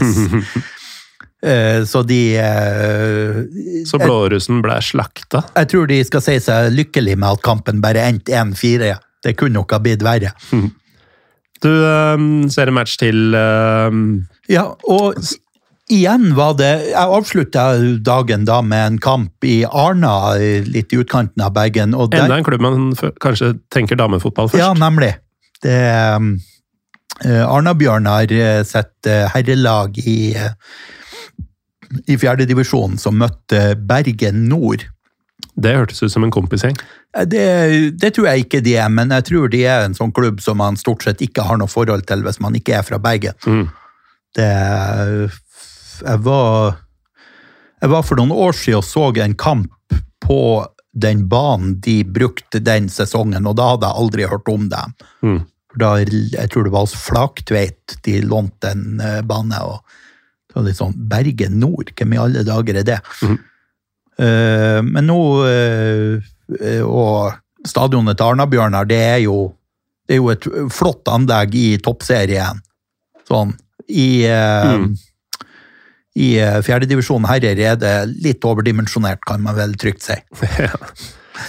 Um, dagen etter så bærer det hjemover. Måtte du haste fra denne breddehoppinga på Vestlandet jeg, til av, jeg avslutta dagen eh, på Vest, den lørdagen på Vestlandet med å kjøre til Voss, så jeg Ja. hadde kommet meg et stykke. På, ja, Mm. så jeg overnatta på Voss, og, eh, og så søndagen da kjørte jeg over fjellet og i et forferdelig vær nede i Numedalen. og eh, det ble, det ble bare verre og verre. Når jeg var Mm. i Larvik, så lyna og tordna fra alle retninger. jeg, men det ble heldigvis ganske bra til kampen. mm. Yeah. Du um, tar deg en uh, utenlandstur uh, av den merkelige sort uh, når vi kommer til juli, hvor du da ser to lag, faktisk, som jeg også så i, um, i juli. Og du ser også fotball i et land som jeg ikke har vært i. Men uh, ta oss gjennom tankegangen uh, når du tar en runde i uh, Finland og Estland, og Sogn og Fjordane. Ja. Finland og Estland først. Når trekningen for de her Conference League og ja. Europakvalikene kom, så satte jeg meg ned og kikka. Hvor er det mulig å ta en tur så man får sett to, to kamper? Og det vil jo da si at det ene måtte være Champions League-kvalik, sånn at den var på onsdag, og det andre en eh, conference eller Europaliga-kvalik. Og det var vel ikke Europaliga-kvalik den helga, så det var conference. eh, eh, Sånn at jeg visste at den gikk på torsdag. Og da landa jeg på at jeg kunne dra til Finland og Estland. Det er jo bare en liten båttur over. Mm. Så vil jeg jo Det her var på en måte sommerens utenlandsferie for meg, så eh, få litt mer ut av det. Så jeg endte opp med å bestille tog til Stockholm. Båt fra Stockholm til eh, Turku eller Åbo. Mm -hmm.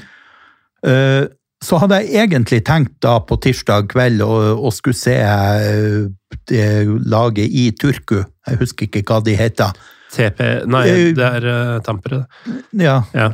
In Inter heter de. ja, Ja. Inter Turku. Mm. I, eh, de spiller på nivå to i Finland. Mm. Uh, og så ble den kampen flytta til mandag. Og jeg tenker oi, hva gjør jeg nå? Den, Helge for- og veit råd. Ja, uh, så jeg mobiliserte uh, på Twitter. Jeg fant noen som kunne finsk. For breddefotballdelen av nettsiden til det finske fotballforbundet, det skal du få billig fra meg. Men eh, til slutt fant jeg da ut at det var en kamp i Tampere, eller Tammerfors, eh, og eh, mellom FC Melody og Nops. Nops er da eh, Nokia eh, Ja! eh, som, Og Nokia er jo en forstad til Tampere. Mm. FC Melody er, det, det er et kompislag. Eh, når jeg kom fram, for eh, da endte jo med at jeg tok toget fra Turku inn til Tampere. Jeg hadde jo allerede bestilt overnatting i Turku, så, så det var jo en del av regnestykket her at jeg måtte finne en måte å komme meg tilbake på. Så tok jeg Uh, endte opp med å ta drosja til kampen og avtale med drosjesjåføren at han skulle komme og hente meg igjen etter kampen, sånn at jeg, for da hadde jeg litt tight for å rekke toget Ja. tilbake. Eh, og fant en nydelig liten breddebane med stor tribune med tak over og, eh, og sånn, og eh, da fotballspillere som sto bak et hjørne og røyka før kampen, og og de her FC Melody, de var jo, eh, de var jo selvsagt sponsa av en pub i den bydelen de egentlig kom ifra, som var helt på andre sida av byen. Mm. Så det, det var bare at, litt sånn som her i Oslo, at breddelagene får tildelt en bane. Og det må de bare forholde seg til, uansett hvor de føler de har, eh, har tilhørigheten sin, så er det ikke nødvendigvis der de får bane hvis de ikke har egen bane. Nei, ikke sant.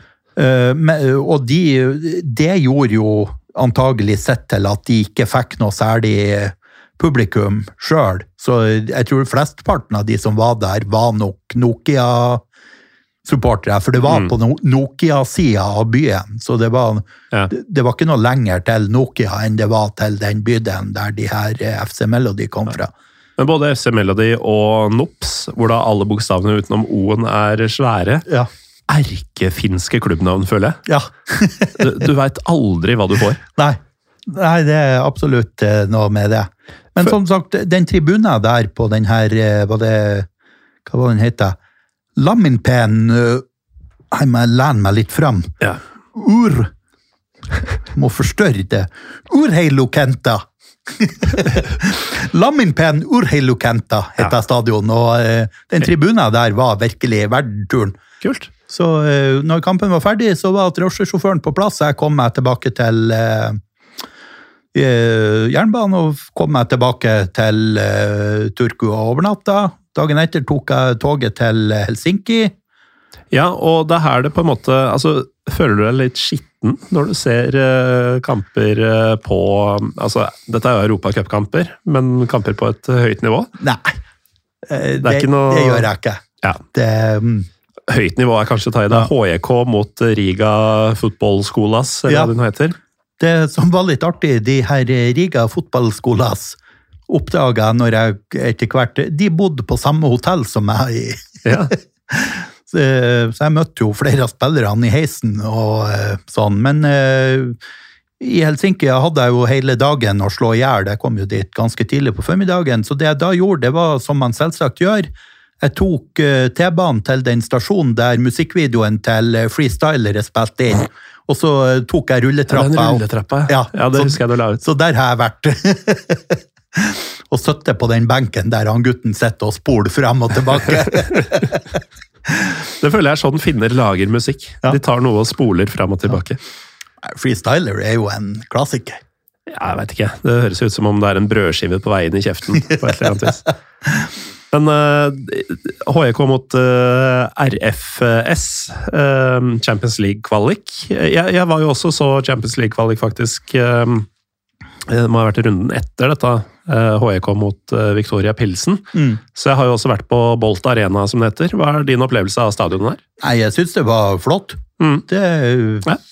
rett og slett flott. Det var jo eh, Relativt riktig dimensjonert og gode fasiliteter. Ja.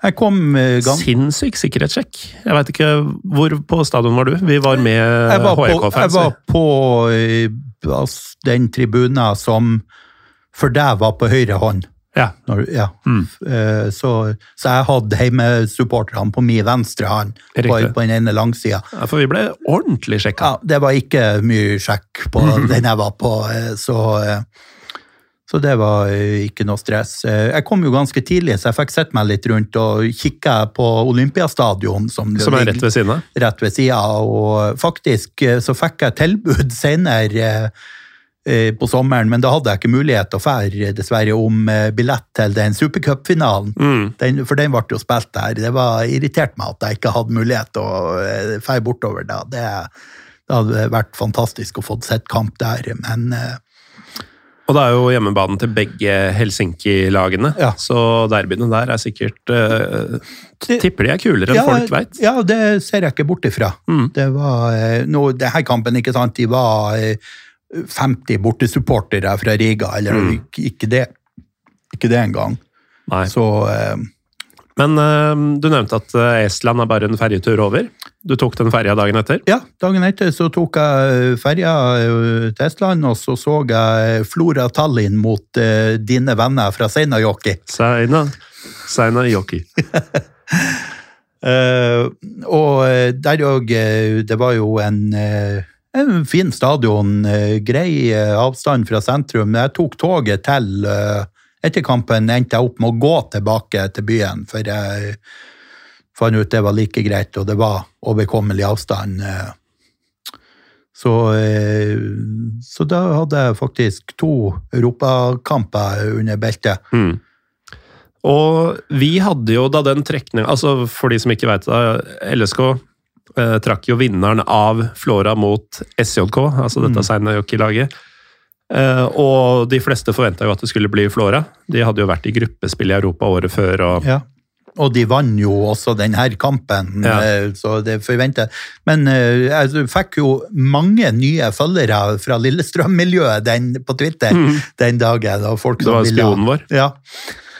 Eh, Så, så- så tanken om at eh, jo da, det her er- blir nok eh, At Flora er nok favoritter, den var der. Men jeg ser jo at jeg skrev i i bloggposten min at Flora er absolutt favoritt, men det er definitivt ikke avgjort. Så eh, Nei, og Det blei jo et galehus-returoppgjør hvor jeg tror Flora fikk to røde kort og det var noen straffer til SJK og sånn. så de, det, det blei jo en tur til de finske skoger for oss i stedet for uh, storbyferie i Tallinn. Ja. Uh, men vi fikk heldigvis flere av oss i hvert fall skvist inn en kveld i Helsinki dagen før. For øvrig, når jeg var i Tallinn, da når jeg gikk tilbake til uh, sentrum etter kampen, så fikk jeg følge på veien av en matleveringsrobot. Ja vel? Ja, Det er jo et tech-land. Ja. Så der var det rett og slett en noen, eh, liten eh, sak som kjørte rundt og eh, stoppa på rød mann, og så venta til det ble grønt og kjørte videre. og Det er jo snart ikke en jobb som de trenger mennesker til å gjøre lenger. ja, det.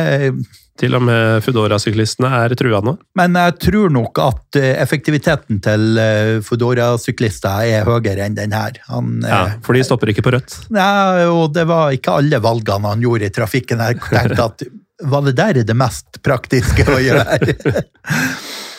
um, utenlandsturen er over, men det, det blir en ny bane til et par dager etterpå. ja, og da gjorde jeg rett og slett For jeg kom jo hjem da fra Tallinn fredag. eh, Da fløy du vel. eh, Da fløy jeg hjem igjen Mm. for å få det kabalen til å gå opp. Det var en forferdelig kø i sikkerhetskontrollen på, eh, på flyplassen der. Når jeg var nesten fremst, så så jeg han Frode Kippe bakerst.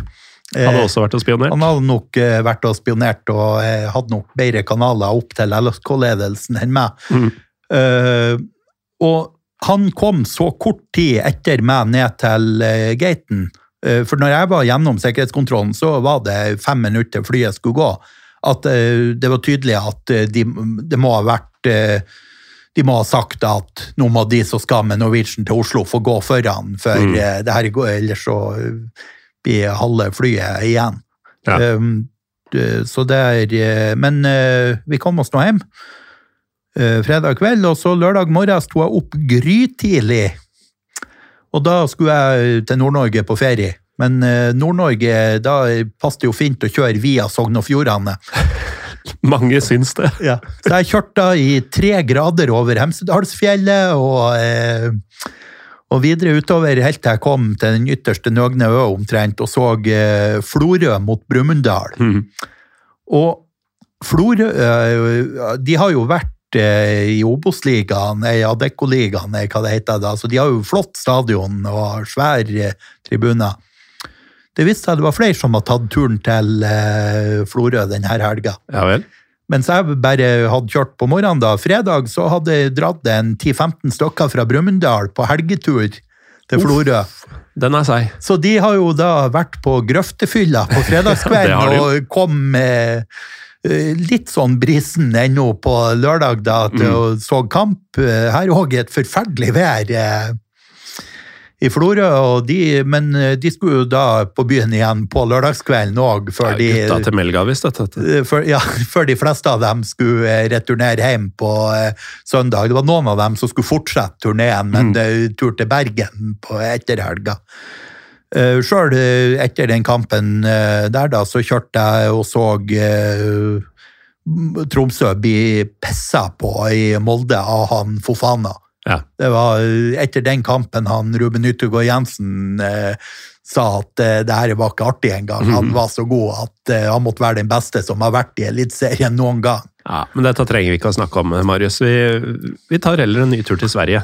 Vi er, i, vi er i slutten av juli nå. Ja, da jeg hadde avslutta ferien, og så hadde jeg Og så hadde jeg på tur sørover tatt litt kamper, og så, etter jeg kom sørover, så eh, så, så hadde jeg, hadde vært en breddetur i Sverige først eh, en kveld. På vei tilbake da, Grunnen til jeg ville nevne den kampen, det var at da hadde jeg en veldig spesiell opplevelse i de dype skoger i Värmland. Eh, Jeg kom kjørende, plutselig så jeg en bil som sto i veikanten eh, i motgående retning, og lurte på hvorfor står han der? Og så så jeg på, ut på et jorde på andre sida, og der skjønte jeg hvorfor. Der sto det en helt hvit elg. Helt hvit? Helt hvit elg. Wow. Ja, da stopper man. Ja, det, så jeg stoppa jo der òg og fikk på det bildet, og eh, dessverre hadde jeg det ordentlige kameraet liggende i baksetet, men eh, fikk noe mobilbilde av den eh, hvite elgen. Og det er visst en del sånn hvite elger i Värmland, og det er ikke albinisme, det hadde en annen navn, så, så de har jo eksempel ikke sånn røde albinoøyne. Eh, men de har bare hvit pels, så det er som samme fenomen som gjør at isbjørnen er hvit. Når du eh, sier at eh, du sa grunnen til at jeg ville nevne disse kampene, så kan jeg jo nevne at det, vi tar jo et eh, Jeg vet ikke om det er høydepunktene, men det er et utdrag Ja. fra banehopperåret ditt vi går gjennom. Vi nevner jo ikke alt av kamper.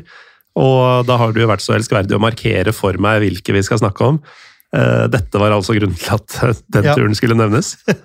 Ja, rett og slett den eh, hvite elgen, den følte jeg fortjente litt eh, omtale. Ja. Så dro du og spionerte litt på um, europacupmotstandere for norske lag atter en gang. Ja, øh, og denne gangen var det jo et norsk lag i aksjon. Mm. for da kjørte jeg i fjor i desember, årets siste tur i fjor, den gikk til Ørebro, der jeg så Ørebro mot Elfsborg. Og da ble jo jeg frelst som Elfsborg-supporter. Naturligvis. Eh, så da den eh, Og da holder man med det mot Molde, for å si det pent. ja, det var ikke et eh, Det var ikke et vanskelig valg å kjøpe seg plass på supporterfeltet. Nå er jo på stadion i Borås, eh, der Elfsborg kommer fra, så er eh, bortefe- altså, nei, supporterfeltet er ståtribuner, og den var jo selvsagt da stengt i og med at det var Europacup. Eh, Så de var flytta på en av langsida, så jeg hadde kjøpt plass helt inntil dem. Og, men det var jo mye dårligere liv enn det ville ha vært om de var på sin faste plass Ja, ja. på kortsida. Uh, og nå skal jeg gjøre noe jeg ikke gjør så ofte. Jeg skal skryte av Molde. For de var, det var kanskje ikke så mye trøkk i dem, og sånn, men det var et imponerende var bortefølge i Borås. Jeg tror det måtte være snakk om 500 stykker eller noe sånt som hadde tatt turen. Og, Og de hadde vel i praksis gått videre etter å ha vunnet stort hjemme først, var det ikke sånn? Jo, de leda klart etter første hjemmekamp, så det kom Ja, bra jobba. Nå kom det vel et tidlig Elfsborg-mål i denne kampen, så det ble nesten litt håpvekt, men øh, de leda 1-0 til pause, og da tenkte jeg det er for lite. Hadde Mm. de det stått 2-0 til pause, så hadde så hadde det kunnet gått, men eh, det gikk jo ikke. Det, Nei, det fikk ikke gått, som Ja. vi sier på Romerike. Eh, august eh, opprinner, og du drar til kanskje det mest hedmarkske navnet som fins, Sørskogbygda. ja. Det ligger da et stykke sør for Nordskogbygda. Ja. Eh, Vi befinner oss da en plass i tjukke skauen mellom Elverum Ja. og Trysil. Jeg har jo familie i Trysil, og jeg veit ikke om dette er unikt for oss, eller om det er noe alle gjør, men eh, man kaller det jo bare for Sjumilsskogen. For det er eh, rett og slett sju mil mellom Elverum og Tromsø. Nei, Trysil. Eh, Som bare er skog. Ja. Og så ser du skilter til stedsnavn som Sørskogbygda og Nordskogbygda underveis, men du ser jo ikke noe til steder. Nei. Det er bare skog. Ja. Så her, Men du fant eh, bygda? Da? det er så vidt, for det var, jeg kjørte jeg kjørt kanskje ikke den korteste veien, for jeg hadde litt tid å slå i hjel. Mm. Og plutselig befant jeg meg i et område uten dekning. Og, eh, men jeg kom nå ut av skauen eh, etter hvert og fant eh, fant eh, plass å parkere. Og, fant, eh, og her òg var det da eh, her, laget, det her var jo i august, så de hadde jo spilt en vårsesong, men den hadde de spilt på lånte baner. For banen hadde ikke vært i bruk på mange, mange år. Men nå hadde de shina den opp, og det var klart for, for kamp mot Engerdal 2 eh, i sjette divisjon Indre Østland. Så det var en festlig kamp som det endte med 5-0 borteseier. Mm. Eh, Men eh, det var nydelig bakst å få kjøpt, og eh, Det er mye gjort. Og jeg tok et av, et av årets beste fotballbilder som jeg har tatt, av en keeper som fortvilt ser ballen går i mål bak Mhm. seg. Det, han henger i lufta, og det var, jeg var veldig fornøyd med det bildet. Kanskje mm, Kanskje vi kan låne det til Instagram-profilering av denne episoden. Det burde vel eh, la seg gjøre. Ho. Um, har du sett filmen Deliverance? Eller den het Piknik med døden på norsk? Ja. Ja. Eh, Du drar til Sørskogbygda likevel? ja, men eh, det er faktisk ikke den plassen jeg har fått mest sånn deliverance-følelse. Er det Bøen? Nei, eh, det, det var eh, Jeg skulle til Lampeland i Det er ute i Telemark, det òg? Nei, Kong, Buskerud. Det Ja, er ja. eh, nord for Kongsberg, eh, oppi dalen der. Og så valgte jeg å kjøre opp en, I stedet for å kjøre til Kongsberg og opp, som var korteste vei, Mm. for den veien skulle jeg kjøre tilbake igjen på kvelden, så kjørte jeg opp i en dal litt nord for Hokksund, og så over, eh, og da fikk jeg litt den følelsen. Det, mm, folk får bare google det hvis de ikke veit hva vi prater Ja. om, men det gir mening når vi snakker om steder som det her. Ja. Um, hva slags steder er Grebbestad og Bovald og Svarteborg, eh, Marius? Eh, Det er småplasser i eh, Bohuslän. Så egentlig er det jo norske klubber her, selv om det står i Sverige. Det er, ja, det er klart eh, Sveriges vestligste landskap. Ja. eh, Og der tok jeg meg en liten enattshelgetur, altså fredag og lørdag.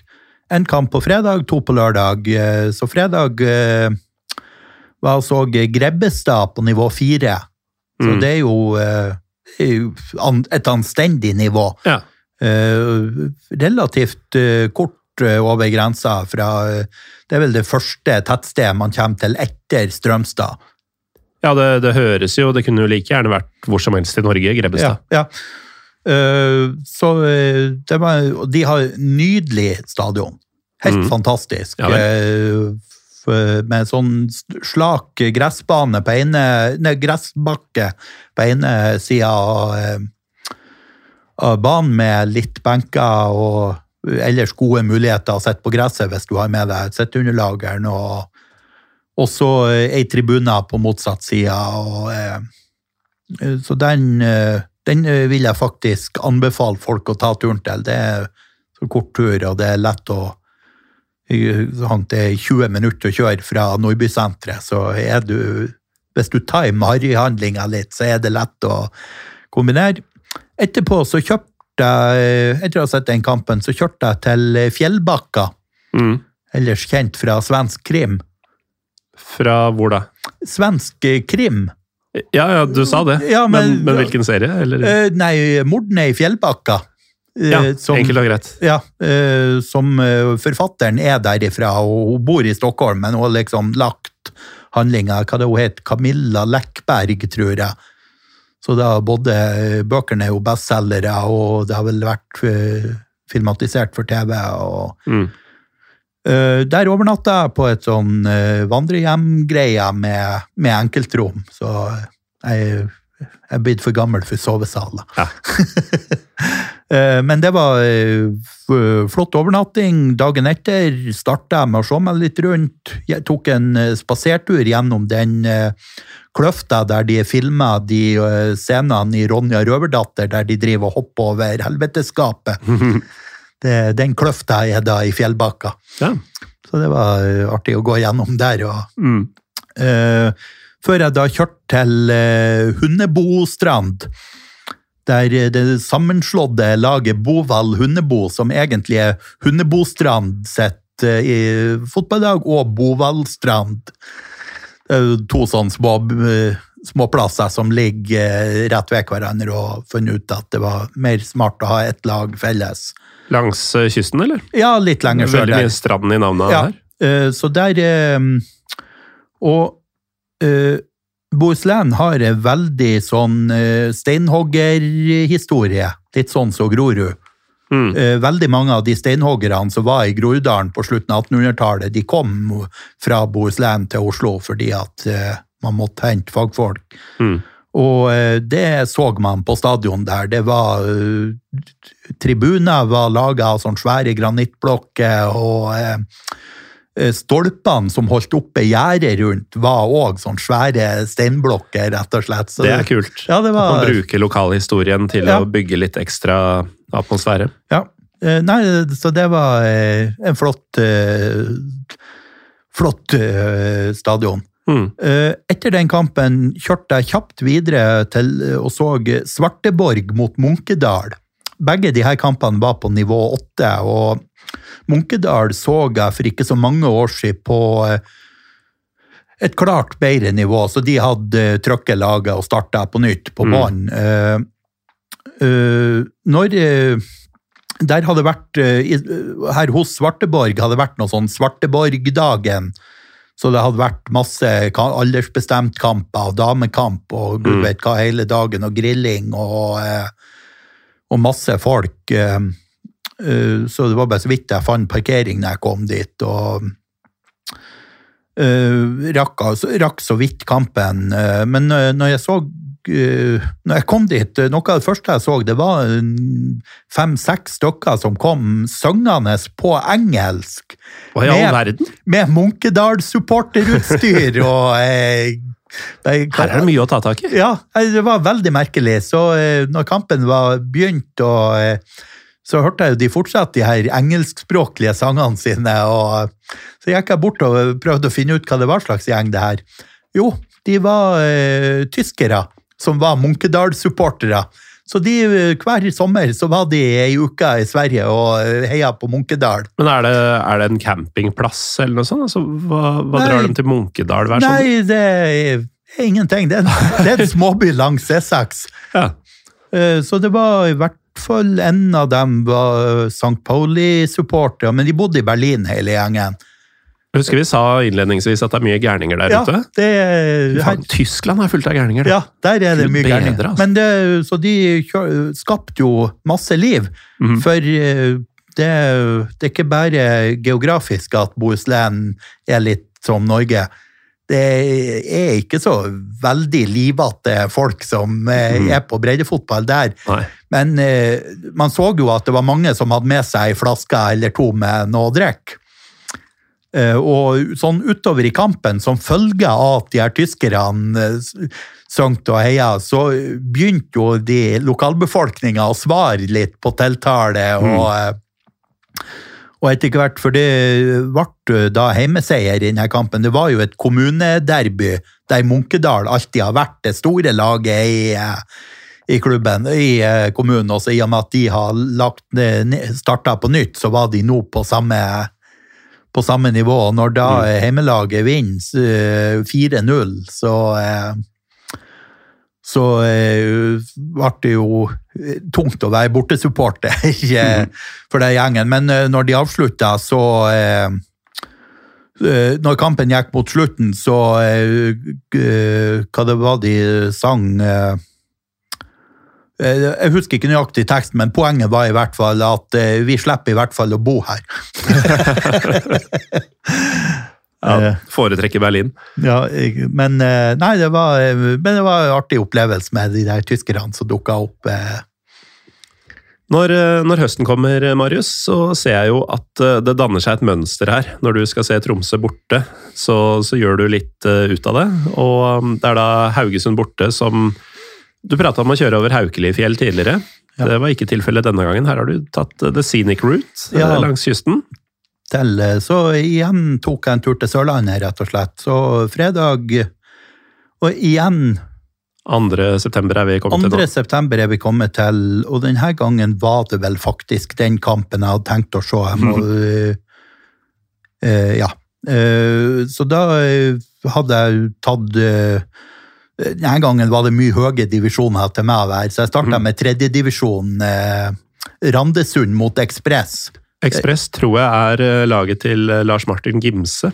Han fra, stakkars ja, startsupporteren. fra Fevik, ja. Mm. Så de eh, eh, De møttes eh, på Sukkervann, eh, litt utfor eh, eh, en sånn forstadklubb i, eh, i Kristiansand. Mm. Eh, der var det Det var ikke så verst med folk, men det var litt sånn dårlig kiosktilbud. For det viste seg at eh, akkurat denne helga var de arrangør for eh, Arrangør for den landsturneringa for sånn Unified-lag. Ja, riktig. Eh, og det gjorde at eh, de hadde mobilisert alle dugnadskrefter for å holde Mm. oppe. Så akkurat på den her A-lagskampen på eh, fredagskvelden så var det kun det som var i kjøleskapet. Det var ikke noe vafler og den slags. Nei.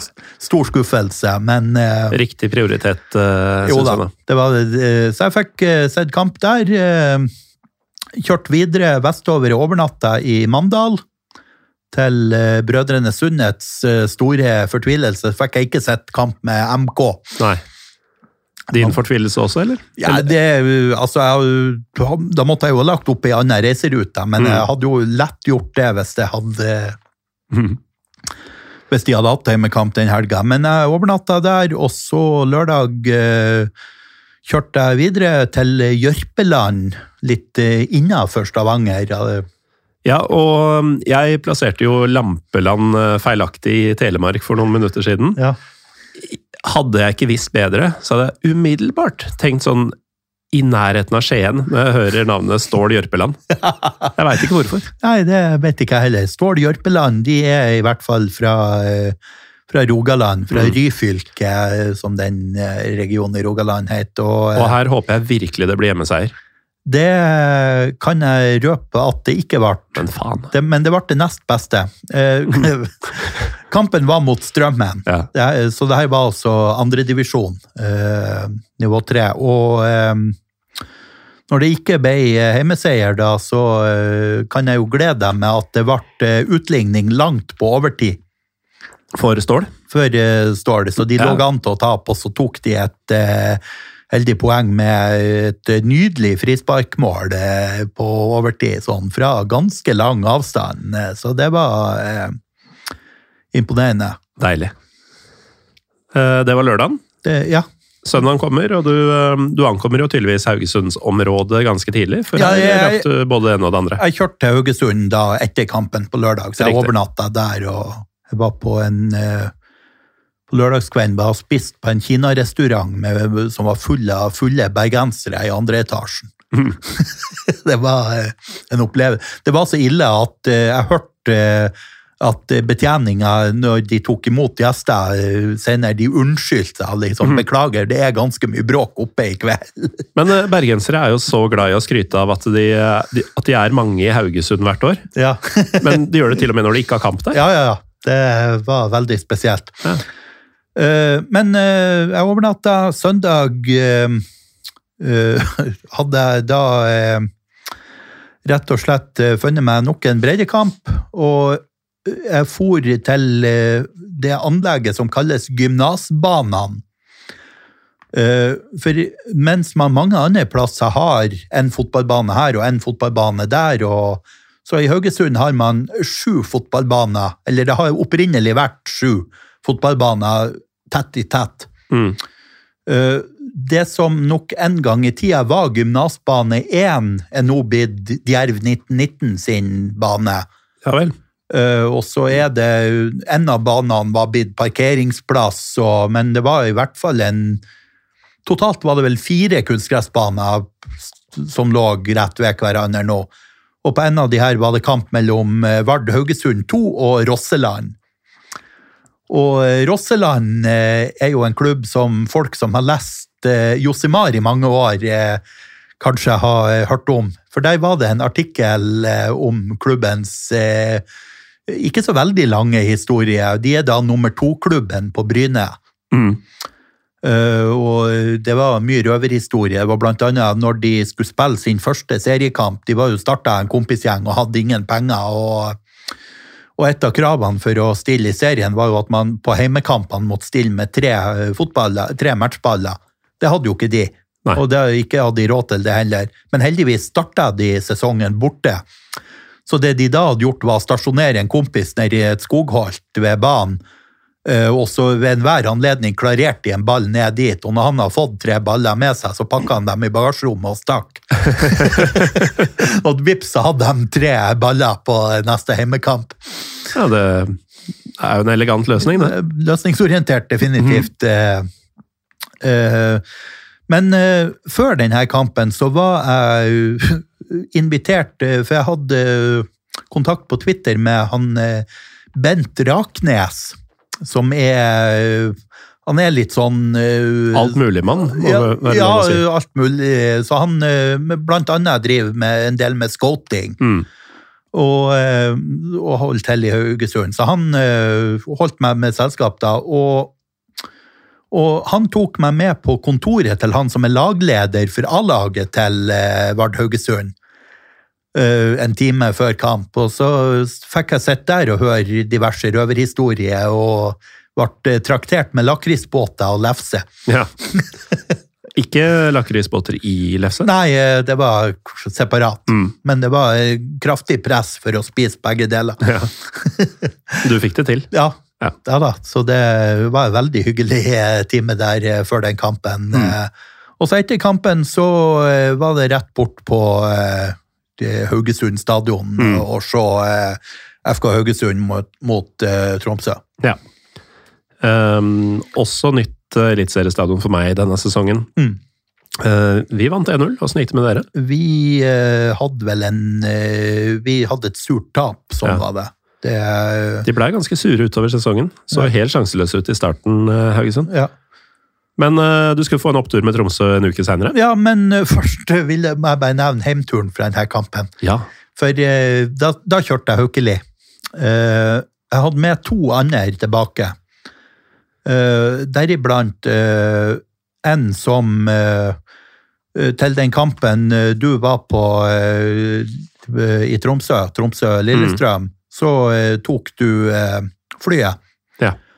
Det var to stykker, en Tromsø-supporter og en Lillestrøm-supporter, som kjørte tur-retur Romerike Tromsø. Martin og Martin. Martin og Martin. Den er Tromsø-delen av den duoen eh, hva skulle da sett på med meg tilbake Fra Haugesund til Oslo. fra Haugesund til Oslo. For så å uh, ja, men eh, det, det som er viktig, vesentlig her, det var at han eh, hadde, mens han var i Haugesund, for han var tilbrakt hele helga i Haugesund, Mm. han har blitt uh, matforgifta. Ja!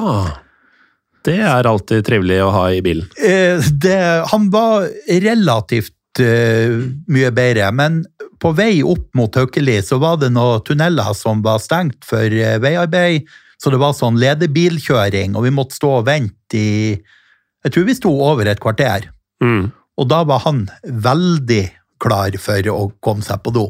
Ja. Så, og, men samtidig, vi visste jo ikke hvor lenge det var til denne ledebilen kom, så han torde jo ikke å sprenge på skogen heller. Nei, ikke sant? Så han lå i baksetet og vridde seg i eh, 15-20 minutter til eh, når vi da Vi visste at på andre sida av det følgeområdet er det faktisk et do. Mm. Så når vi kom dit Jeg tror aldri jeg har sett noen som har sett så letta ut som han, han forsvant ut av bilen. og eh, Det ble en solid stopp midt oppå fjellet der i eh, et eh, ganske hustrig høstvær eh, da i eh, begynnelsen av desember. eh. Jeg lurer på om det fins noe bedre følelse i hele verden enn å vinne når du er i så desperate situasjoner. At du klarer å holde, og du kommer deg faktisk på do. Ja, ja, det var eh, eh, Ja, nei, vi er, vi er enige der. Jeg tror han eh, var eh, på grensen til å bli religiøs der og da. Ble du religiøs en uke seinere? Eh, like før. Mm. Jeg hadde jo jeg hadde jo utgangspunktet ikke tenkt at jeg skulle eh, skulle til Tromsø og se, eller skulle se noen kamper mot Bodø-Glimt i år. Men så, etter at eh, Tromsø i slutten av august slo Rosenborg eh, hjemme, så lot Fikk du blod på tann? Ja, lot jeg meg rive med og bestilte eh, tur nordover. Så jeg varma opp med å se en breddekamp. Det var på en bane jeg har vært på før, men da var det med et lag som bare spilte der. Nå var det de som hadde banen som hjemmebane fast, altså Krokelvdalen. Mm. Eh, ligger på fastlandet, litt nord for Tromsdalen. Eh, og eh, da hadde jeg faktisk selskap av en groundhopper fra Bodø. Så vi holdt det gemyttlig da under den kampen, og så ønska vi hverandre tok, Etter kampen tok vi bussen inn til sentrum og skilte lag og ønska hverandre død og fordervelse, og gikk hver til våres. Og så kom da det som for meg som supporter var årets eh, opplevelse. Med, Fortell. Nei, Tromsø rundspilte Bodø. Og eh, første omgang Runar Espejord fikk ikke til noen ting. Og ble bytta ut i pausen til stor jubel. Eh, det, nei, det var virkelig artig. Og så ble det jo litt spennende på slutten når de fikk to kjappe eh, reduseringer, men denne gangen greide de heldigvis å ri det av og, og få eh, og få, eh, få Det er årets viktigste seier, vil jeg si. Ja, det, den ser jeg. Ja. Altså, du er jo fra Mo i Rana, som jo er vesentlig nærmere Bodø enn eh, Tromsø. Ja. Er, det, er du litt ekstra anti-Bodø på grunn av det? ja, det tror jeg. Ja, det tror jeg. det jeg er nok eh, Jeg bruker å si det at det at jeg er Tromsø-supporter, er et resultat av en Bodø-antipati. Ja. Så eh, Og da feirer man jo denne 60 mils derbyseieren med en ny eh, svensketur. ja, eh, denne gangen var det litt spesielt. Jeg hadde eh, det symfoniorkesteret jeg spiller i, skulle på turné til Stockholm. Ja, for dette har vi jo ikke nevnt i dag, men du er jo entusiastisk på andre ting enn fotball også. Ja da, jeg spiller i både korps og orkester. Mm. Så vi skulle eh, til Stockholm og spille konsert. Eh, Fredag tok jeg Jeg hadde kjørt til Kristinehamn og parkert der, så tok jeg bussen videre. Det var litt sånn eh, logistikkgrunner som gjorde det mest praktisk. Rakk akkurat fram til eh, å ha prøve i kirka der vi skulle ha konsert. Eh, og når den var ferdig på fredag, så rakk jeg akkurat innom hotellet og hive fra meg tingene og få på meg litt mer klær, og så eh, skulle jeg på breddekamp. Og Rett og slett et derby. ja, og det var litt spesielt, for noen dager før så hadde jeg vært på Valset, på, eh, lengst sør på Hedmarken, og sett eh, kamp i sjette divisjon. Og stadion på Valset, det het Råsunda. Ja. Akkurat som det gamle verdensmesterskap-finalearenaen fra eh, 1950, var det det? 58. 58 i, ja, både, Ja. både Pelé og Gro Espeseth har blitt verdensmester på Ja, det stadionet. Nemlig. Gamle Råsunda. Og eh, Så det er jo oppkalt etter det, obviously. Jeg, jeg prøvde å finne ut hvordan det starta, men det, det greide jeg ikke. Men eh, når jeg da kom til Stockholm, så oppdaga jeg at på fredagskvelden da skulle det være derby mellom Råsunda IS, altså idrettsselskap, og Råsunda FC på Råsunda idrettsplats, eh, som jo er en Du får sånn- det ikke mer Råsunda enn det. Nei, som jo er en, det er jo en sånn eh, helt standard kunstgressbane som det går 13 av på dusinet. Mm. som ligger like ved der gamle Råsunda stadion ligger. Der er det jo bygd kontorer og eh, diverse sånn greier nå. Men eh, det jeg ikke visste på forhånd, det var at de her Råsunda FC eh, det her er- var jo på nivå 9 i Sverige. Eh, de består av AIK-supportere Oh, ja. og altså skikkelig hardcore AIK-supportere. Mm. Eh, Så når kampen starta, så var det jo 100-150 stykker på plass, og synging og pyro og så mye røyk at avspark ble utsatt i ti minutter. Og, eh, Dette var Råsunda FC. det var Råsunda FC Mm. sine supportere eh, som eh, De hadde jo en away day, de. Ja, rett og slett. eh, For de- deres hjemmebane lå eh, fem minutter lenger sør. Sånn, eh, Mm. Til så- fots? Ja. Men så det Det var virkelig kanskje årets breddeopplevelse for meg. Ja, for det var helt ut av det blå for din del? Ja, jeg visste ikke på forhånd, og, så jeg kom jo i snakk underveis med han som er primus motor i klubben, og som det viste at er en eh, sånn AIK-supporterlegende. Uh, skal vi se Hva det var han heter? Joakim Hall. Mm.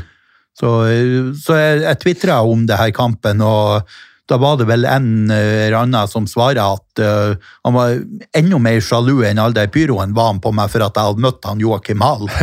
så uh, Joakim Hall kødder du ikke med? Jeg antar at uh, dagen etter er, eh, er symfonidagen, Ja. siden det ikke ble noe match. da var det ikke Jeg så, jeg kunne kanskje ha greid å klemme inn en kamp tidlig, men det hadde blitt bare stress. Ja, eh. greit å fokusere litt. Ja. Konserten gikk bra, eller? Ja, ja det har vært eh, en fin konsert, og mm. jeg fikk eh, hadde Jeg ble kjent med på eh, den Ørebro-Elfsborg-matchen, som bor i Stockholm, som er Elfsborg-supporter. Hun hadde jeg utkommandert til å komme. Mm. Så på søndag så møtte jeg henne igjen på hennes eh, lokale eh, pub.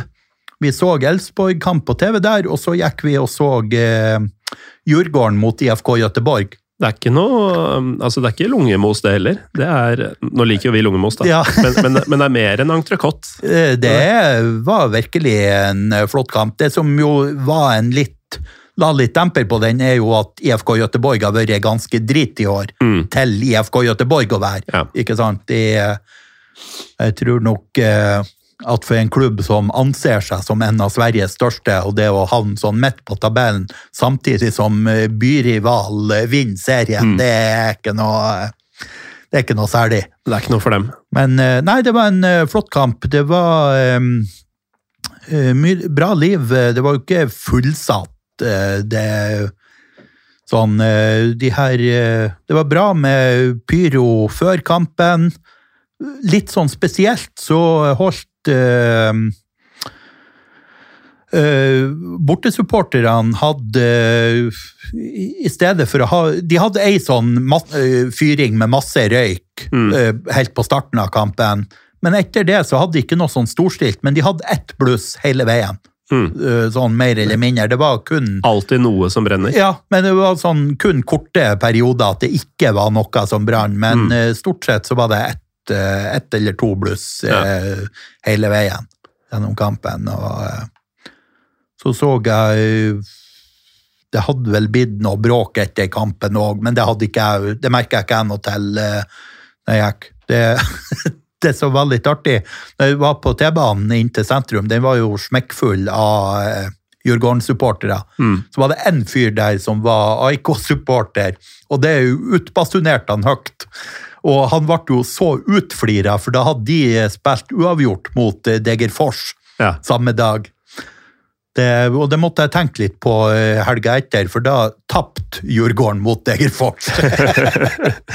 så eh, den som ler sist, ler best, sies det. Det sies jo, det. Ja, men eh, altså, Sverige er Det leverer. Ja. På sånn- alle nivåer, Ja. nesten bokstavelig Ja, talt. det vil jeg si. Det, Mm. det er jo, som man ofte er inne på, det er jo de Stockholmsderbyene som virkelig er de ville greiene i Mm. Sverige. Men, eh, men en kamp som Djurgården i FK, det var Og den var jo overkommelig å få billett til. Og, Ja, ja. ikke sant? De Mm. derbyene kan jo det være litt tricky eh, Mm. hvis du ikke er Ja, du må veldig bare være kjapp Ja, ofte, men eh, men, Men jo. Um, hvis man ønsker å se Inter to ganger på én dag, og da snakker vi om det italienske Inter fra Milano, hvordan går man fram, eh, Marius? Eh, Man drar på jobbtur til Riga. jeg var eh, i Riga, og så når jeg skulle bestille heimturen fra Riga, så kikka jeg litt på nettsidene nettsiden til flyplassen, og litt på nettsiden til Oslo lufthavn, og så tenkte jeg, hvor spilles det fotball? Hvor går det direktefly fra Riga? Hvor går det direktefly til Oslo? Jeg havna i Milano. Ja. Så fredag ettermiddag fløy jeg til Milano, eh, fant hotellet mitt, eh, fant meg litt mat, eh, og eh, overnatta. Og så eh, lørdag skulle jeg da se det var først, Målet mitt var først og fremst å få kryssa ut San Siro før det Mm. blir revet. Uh, nå er det jo eh, Jeg trodde at de skulle rive det og så bygge et nytt, men det viser seg jo at de skal bygge et nytt rett på sida, og så skal de rive det gamle. Så, eh, så det er nok i hvert fall ti år til det gamle blir revet, men det skal i hvert fall rives. Så har så det var målet mitt på lørdag kveld. Men så oppdaga jeg at tidligere på dagen på lørdag så hadde damelaget Inter heimekamp eh, på et eh, annet stadion eh, litt nord i sentrum. Så da tok jeg T-banen opp dit, tusla litt rundt og kom meg etter hvert inn på et, et fint lite stadion med tribune på tre sider og og fikk sett Inter mot Roma damer. Og det som var litt artig, det var jo at på den sida jeg satt, så fikk jeg en helnorsk duell mellom hun eh, Emilie Håvi på, eh, på Roma, som spilte venstreving, og hun eh, Anja Sønstevold, som spilte høyreback for, eh, for Inter. Liten Og- verden. Ja, og det må jeg si, eh, den duellen vant hun eh, Anja Sønstevold. Mm. I andre omgang ble hun Håvi flytta over på andre sida, og det var kun pga. av Hun tapte alle duellene mot Sønstevold. Det var eh, Og det, etter kampen så gikk jeg faktisk bort til gjerdet og sa det til henne. Hun ble jo på å få sjokk. Hæ, en nordmann her som ikke er i slekt med noen av oss andre, eh, og som spiller kampen? Så Ja. det, selv om italiensk damefotball er stort, så er det ikke større enn at man får snakka med spillerne gjennom gjerdet sånn Mm. etter kampen. Litt større dimensjoner på kveldskampen. På kveldskampen var det litt større. Da tok uh, igjen eh, T-banen. uh, endestasjonen der er jo San Siro stadion, så det var veldig greit. Og når man går av, så er det jo på en sånn stor kamp, så er det jo bare å følge strømmen. og Kom inn på et sånn markedsområde med Det var så mye sånn food trucks Ja, ja. som jeg aldri har sett før. Telt og boder og trucks og mm. alt mulig utfor eh, stadion der, og kom jeg nå inn og gikk opp eh, en million trapper i et av de her ikoniske tårnene på San Siro. Mm. Og kom inn og fant plassen min. Eh, Det var da Inter mot eh, Sampdoria. Eh, Det var, ble en veldig spesiell kamp, eh, for eh, det viste seg at det var en eh, leder i ultrasmiljøet til Inter som var blitt skutt og drept samme dag. Så før kampen var det flagging og sanging. men når kampen starta, så pakka de ned alle flaggene og bannerne i respekt til han her fyren, og og så, eh, så satt de bare som vanlige tilskuere første omgang, og i andre omgangen så begynte de å tømme feltet. Det er jo øh, for så vidt en fin gest og forståelig at de vil gjøre noe. Men man føler jo som turist når sånne ting treffer akkurat den kampen du er på, at øh, dette var litt utgjort. Man føler seg litt snytt, men samtidig så kan jeg jo si at jeg var der på den kampen der det Mm, skjedde. ja. Så det er litt sånn mixed feelings. Jeg var jo på Millwall-kamp øh, for en del år tilbake. Millwall mot øh, Watford. I, øh, det må vel ha vært championship. Og da boikotta delvis Millwall-supporterne. Det er jo en av holdt på å si, få stadioner Ja. på høyt nivå i, i England hvor du forventer litt Ja. trøkk. da. Eh, det var ikke noe, fordi eh, det var en cupkamp, tror jeg, mot Wiggen eh, noen dager før, hvor veldig mange hadde blitt arrestert. Og da var det sånn at enten så satt jo folk inne fortsatt, eller Ja. så var det man i solidaritet Mm. hjemme. Så det var Ja. nitrist. Ja. Nei, sånn her eh, var eh, Men det som var, det var at veldig, veldig mange av de som forlot kortsida For det var til Altså, før kampen var over, så fikk de helt tømt det, det ultrasfeltet på, som var det andre av tre nivåer i kortsida der. Eh, Men veldig mange av dem gikk eh, på langsiden og satte seg i trapper, og, så det ble så fullt at de siste 20 minuttene så var det ganske mange, spesielt barnefamilier, som gikk. Og det tror jeg nok var mye på, ikke bare for å komme seg litt tidligere unna, men fordi det rett og slett var ubehagelig trengsel på, eh, på lagsida der. Ja, Både trengsel og kanskje type mennesker som Ja, plutselig men de, de forholdt seg jo rolig. Mm. Det var, så hovedproblemet var rett og slett det at det var uh, Ikke sant? Jeg, jeg satt uh, på setet ytterst mot trappa. Det gjør jeg nesten alltid når jeg skal bestille Mm. sitteplass. da da kan jeg breie meg litt ekstra. Ja, og så plager man ikke folk hvis man må på dass underveis. og sånn. øh, men jeg tror, og jeg tror jeg hadde fire stykker imellom meg og setet på andre sida av den eh, trappegangen. Mm. Øh, så det var helt tjåka. Men da Hva var det jeg skulle si Nei, det var veldig spesielt sånn. Men eh, altså, viktig å få kryssa Giuseppe Meazza, også kalt San Siro av Ja. På lista. Jeg har jo ikke vært der ennå. Eh, er det du som har vært og sett nå, det bør være på lista mi også? Ja, Ja. det bør være på alles lista. Mm. Så øh, Får håpe de bruker litt tid på dette byggeprosjektet. Ja, som sagt, det, det, det vil overraske meg om det ikke blir spilt kamp der i hvert fall de neste seks årene. Mm. Eh, så det Nei, det var en, eh, en eh, fin tur. Og så på re, når jeg skulle fære derifra, den T-banestasjonen der, den eh, hadde fantastisk uh, opplegg. Mm. Uh, Det var rett og slett uh, teleporter for å komme inn på T-banestasjonen Oh. som ikke var noe billettkontroll eller noe. Den kun tært antall mennesker som gikk inn. Og så Og stoppa den. Og så stoppa den, sånn at ingen, når det det var kommet inn mange nok til å fylle ett tog, Mm. så stoppa den, og så åpna den ikke igjen før det neste toget var på plass. Og det, det er klart, man får mye mindre farlige situasjoner med å ha masse folk som står oppe på bakken, enn om man skulle ha vært nede på T-banestasjonen. Men har du nå, prøver du å innbille meg at italienerne har fått til noe fornuftig logistisk eh, her? For i så fall så må jeg si at du har fått til deg nok vaniljecola for i dag. Nord, må huske at Nord-Italia og Sør-Italia er to forskjellige land. Det er i og for seg eh, riktig. Og da har vi kommet altså Dette var i slutten av oktober, eh, Marius. Vi har eh, nesten fullført eh, året her, men du skal utenlands igjen i november. Ja, jeg tok meg en, rett og slett en liten tysklandstur i midten av november.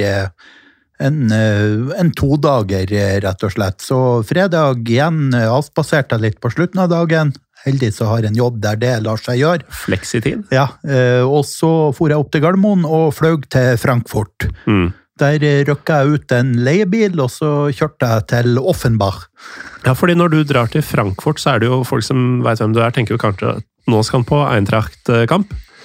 Det skulle du ikke. Nei, eh, det hadde seg jo sånn at eh, Eintracht Frankfurt de har gitt spillerne fri en måneds tid. Mm. Vi behøver ikke å gå nærmere inn på grunnen til det, men men, eh, Så derfor måtte jeg litt lavere, så da fant jeg meg en kamp på nivå eh, tre. Eh, Nei, nivå fire. Mm. regi- Regionalliga. Regionliga, ja. Mellom Der var vel Regionliga Sydvest, tror jeg det heter. Ja, det stemmer nok. Ja, mellom Kickers Offenbach og Eintracht Trier 05. Offenbach er jo en ordentlig klubb. Ja, de Svært stadion, kanskje litt for stort når de er på nivå fire, men Mm. øh, samtidig er det jo imponerende. Og øh, den Hele den ene langsida er ståtribune, og den var ikke en meter for stor. Mm. Eh, Så det er liksom det med at de har ei, ei svær tribune i ene kortsida eh, som er eh, bare Jeg tror det var bare sitteplasser, og den var det jo nesten ikke folk på. Så andre Alle kortsida. Eh, Ja, og andre kortsida var det nesten eh, Den var vel forbeholdt bortesupportere. Det var, jeg har jo, de her Eintracht 3 har jeg jo aldri hørt om, Nei, ikke heller. eh, men de hadde et imponerende bortefølge. Mm. Så det var virkelig uh, Kul opplevelse. Ja, kul. Fredag kveld dette her, eller? Uh, ja. Mm. Så, eh, Så flomlys og hele pakka. ja, så det var skikkelig stilig og litt sånn skikkelig høstkamp. Det var eh, Jeg tror den banen var glad det var eh, vinterpause nå. Mm. Um, så jeg så den, og så um, Og så så jeg et par kamper dagen etter, litt lenger ned i divisjonene. Derfor vi sa at ingen av oss hadde hørt om Eintracht Trier 05. Jeg har ikke hørt om noen av de fire klubba du så dagen etter heller. Nei, ikke jeg heller, må jeg innrømme. Men uh, uh, først var jeg i en uh, litt lenger nord i Hessen. på det som heter Gruppenliga, som er et sånn mellomnivå, mell, nivå fem, og er liksom mellom regionalliga og de rene kretsvise liga, Mm. Kreisliga. De her, da var jeg først og så Eintracht Stadtallendorf. Og eh, Stadtallendorf eh, det er da en by som fram til 1960 het Allendorf, og så fikk de bystatus. Så da skifta de navn til Stadtallendorf. Dorf, er ikke det små eh, landsby? Jo, jeg ser ikke bort fra det. Så det er by Allen landsby? Ja. Eh, der gjorde jeg den massive feilvurderinga og, og tenker at ja, ja, jeg kjører nå oppover. Det var, det, denne lørdagen var det vanvittig dårlig vær. Det snødde masse på formiddagen da, og eh, men jeg tenkte jeg kjører litt tidlig oppover, så får jeg sett meg litt rundt der i Stadtallendorf og slått i hjel litt time og se meg rundt i byen der. Når jeg kom fram, parkerte jeg, og så gikk jeg meg en runde og konkluderte med at det å se seg rundt i sentrum av Stadtallendorf, det var gjort på ca. to minutter. Den bystatusen kom billig. Ja, det, det kan godt hende det bor en del folk der, men de eh, Syns ikke. De drar tydeligvis til eh, den eh, nærmeste byen, litt større byen, som jeg ikke husker nå hva heter, men eh, eh, Nei. de, drar tydeligvis dit og, eh, og, og, og handler og går på kafé og den slags. Var det like lite eh, trengsel på stadion? Eh, ja, eh, der òg, i eh, Stadlandorf, de har et ganske fint stadion, sånn med svær tribune, tribuner, og, men det var på den banen som er gressbane. Og der eh, var det ikke Heldigvis var det ikke den banen kampen skulle gå på, for hadde det vært det, så hadde den sikkert blitt utsatt pga. det snøværet Ja, som hadde vært på formiddagen. Mm. Den gikk på en sånn standard kunstgressbane uten noe fasiliteter Mm. eh, etterpå. Eh, Men eh, de hadde faktisk en De var kanskje ti supportere som troppa opp med ei tromme, og til sammen i løpet av kampen sank de kanskje to minutter. Men de prøvde i hvert fall, og det var et par stykker som hadde de her klassiske tyske dungerivestene som er overskydd med merker. og... eh, så de hadde en liten supporterklubb, eh, Stad Andorf. ja, men eh, de eh, gikk da på et eh, 3-1-tap mot eh, Victoria Grisheim. Ja. Og da var det bare å komme seg vekk derfra og finne enda lavere nivå. Ja, da fant jeg en kamp eh, på nivå 7. Eh, og igjen var det en klubb som ikke spilte på sin egentlige stadion, fordi mm. de òg breddeklubb og snø og gress, det er en dårlig kombinasjon. Så de eh, de hadde dratt inn til byen Alsfelt, der de eh, der de har, som er mest kjent for å ha et eh, rådhus fra 1500-tallet. Googla jeg meg fram til etterpå, jeg har vært der, eh, men det rakk ikke jeg å se på. Eh, Men der var det da kamp mellom eh, Loisel og Bikken. Loisel og Bikken. Ja. Tenna løper i vann. ja. Eh, det var kaldt. Det er stort sett det jeg har å si om den kampen. Jeg det, men det kom kanskje 50 stykker, og, eh, men jeg tror de fleste av dem hadde mindre ull på seg enn meg, så de hadde nok enda kaldere enn meg. Så, jeg nei, så kjørte jeg tilbake til Frankfurt. eh, ble kvitt eh, leiebilen igjen. Det gikk for øvrig forbausende smooth. Det var en ting tyskerne hadde optimalisert. Det var innlevering av leiebil på flyplassen i Frankfurt. Det tror jeg de er sterke på. Ja, Også den flyplassen òg, da. ja, så eh, da var det helt greit, og så tok jeg kveldsflyet tilbake til Oslo og landa like før midnatt eh, Mm. på Gardermoen. Så det var eh, helt strålende måte å tilbringe eh, en fredag og en dørdag på. Vel utført. Ja. Um, det er jo da uh, Du kommer jo da hjem på kvelden uh, 20., blir det? Eller 19.? Nei, 19. Ja, altså. Så ser to kamper, og så drar du hjem. Ja. Det er en solid dag. Ja. Eh, Men da går det jo en uke før du ser en kamp igjen. Det blir en svensketur til. Det blir to svensketurer til før året er omme, og litt treningskamper i i nærheten av hjemme. det var en sånn positiv overraskelse, for jeg så jo for meg at nå blir det vanskelig å få mer kamper i år. Mm. Eh, men eh, så viste det seg at svenskene de har kjørt på med treningskamper helt fram til det siste, og, eh, og innimellom plutselig Jeg var lenge litt bekymra for om kommer jeg til å få eh, til å se noen kamp i desember. Mhm. Men uh, plutselig så dukka det opp noen her hjemme òg, og eh, så jeg avslutta faktisk sesongen med en kamp nå sist fredag uh, på Raufoss av alle steder. Ja. Ehm, men det var ikke Raufoss du så? Nei, eh, da var det treningskamp mellom eh, Lillehammer FK og FK Toten. Eh, Sånn, I den nye hallen på Raufoss. Så eh, den, I denne Footballerty-appen så ligger den jo som den samme stadion som den gamle. Men i min personlige liste så var det en nytt eh, stadion som jeg ikke hadde besøkt før. Eh, Ja, der har jo du helt rett. ja. Eh, er det et nytt sted, så er det jo et nytt sted. Ja. Men eh, det fullfører jo et år hvor du så 172 fotballkamper. Hvor mange av disse var på nye baner? Det var vel Skal vi se, det har jeg her en eller annen plass. Jeg tror det var 150 og noe. Skal vi se. Ikke sant? Så det er Der har vi tallet Skal vi se 100, Nei, 119 nye. 158 forskjellige. Ja. Sånn, eh, så for jeg var jo ja, for det er litt gjenbruk av Grorud. ja, ja, ikke sant. Grorud var jeg fem ganger og Mm. så kamp og eh, Ja. Ehm, altså Hele denne episoden, som nå har bikka godt over to timer for øvrig, Marius. Uh, ny rekord, tror jeg. Ja, det tror jeg òg. Ikke for Pyro Pivo, men for disse samtalene våre. Uh, vi, det, det har vært høydepunkter på sett og vis, men hva er uh, altså selve høydepunktet, hvis du skal dra fram eh, noe? Det blir kanskje noe så kjedelig som Tromsø-Bodø-Glimt? Ja, det, som jeg var inne på, som supporter var det høydepunktet. Mm. Men som eh, på breddestemning så var det jo den i Stockholm. Det også Mm. som som konsept, eh, som groundhopping-tur, så den her langhelga mi i Trøndelag var helt fantastisk. Ja. Den var jeg veldig, veldig Det er mange måter å velge ut høydepunkter ja. på. Eh, og det er jo det som er så fint med å se fotball litt sånn her og der på de nivåene Ja. som eh, dukker opp, er at uh, gode opplevelser kan jo komme der du minst venter dem. Mm. Skuffende opplevelser også, der du uh, trodde du skulle ha det gøy. Um, som eksempel stemninga på, på intermatchen. Ja. Uh, herrekampen i hvert fall.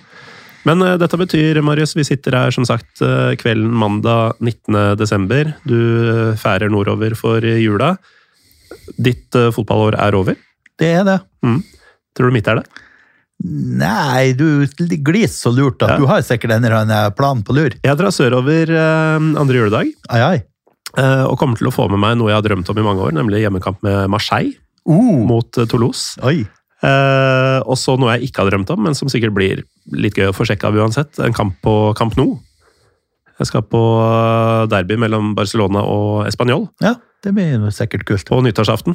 Ai. Så eh, jeg får med meg et par matcher til før, eh, Ja. før året er omme. Jeg hadde jo faktisk en Jeg hadde en plan klar, men eh, det lot eh, Jeg måtte skrinlegge den om mm. Spania nå sist helg. Da eh, jeg tenkte å se en kamp på nivå fire litt utfor eh, Litt utfor Madrid, i Guadalajara. Um, Som er den eh, byen i Spania som byen i Mexico har tatt navnet fra. Jeg skulle til å si eh, Det hørtes ut som du skulle til Mexico. Ja.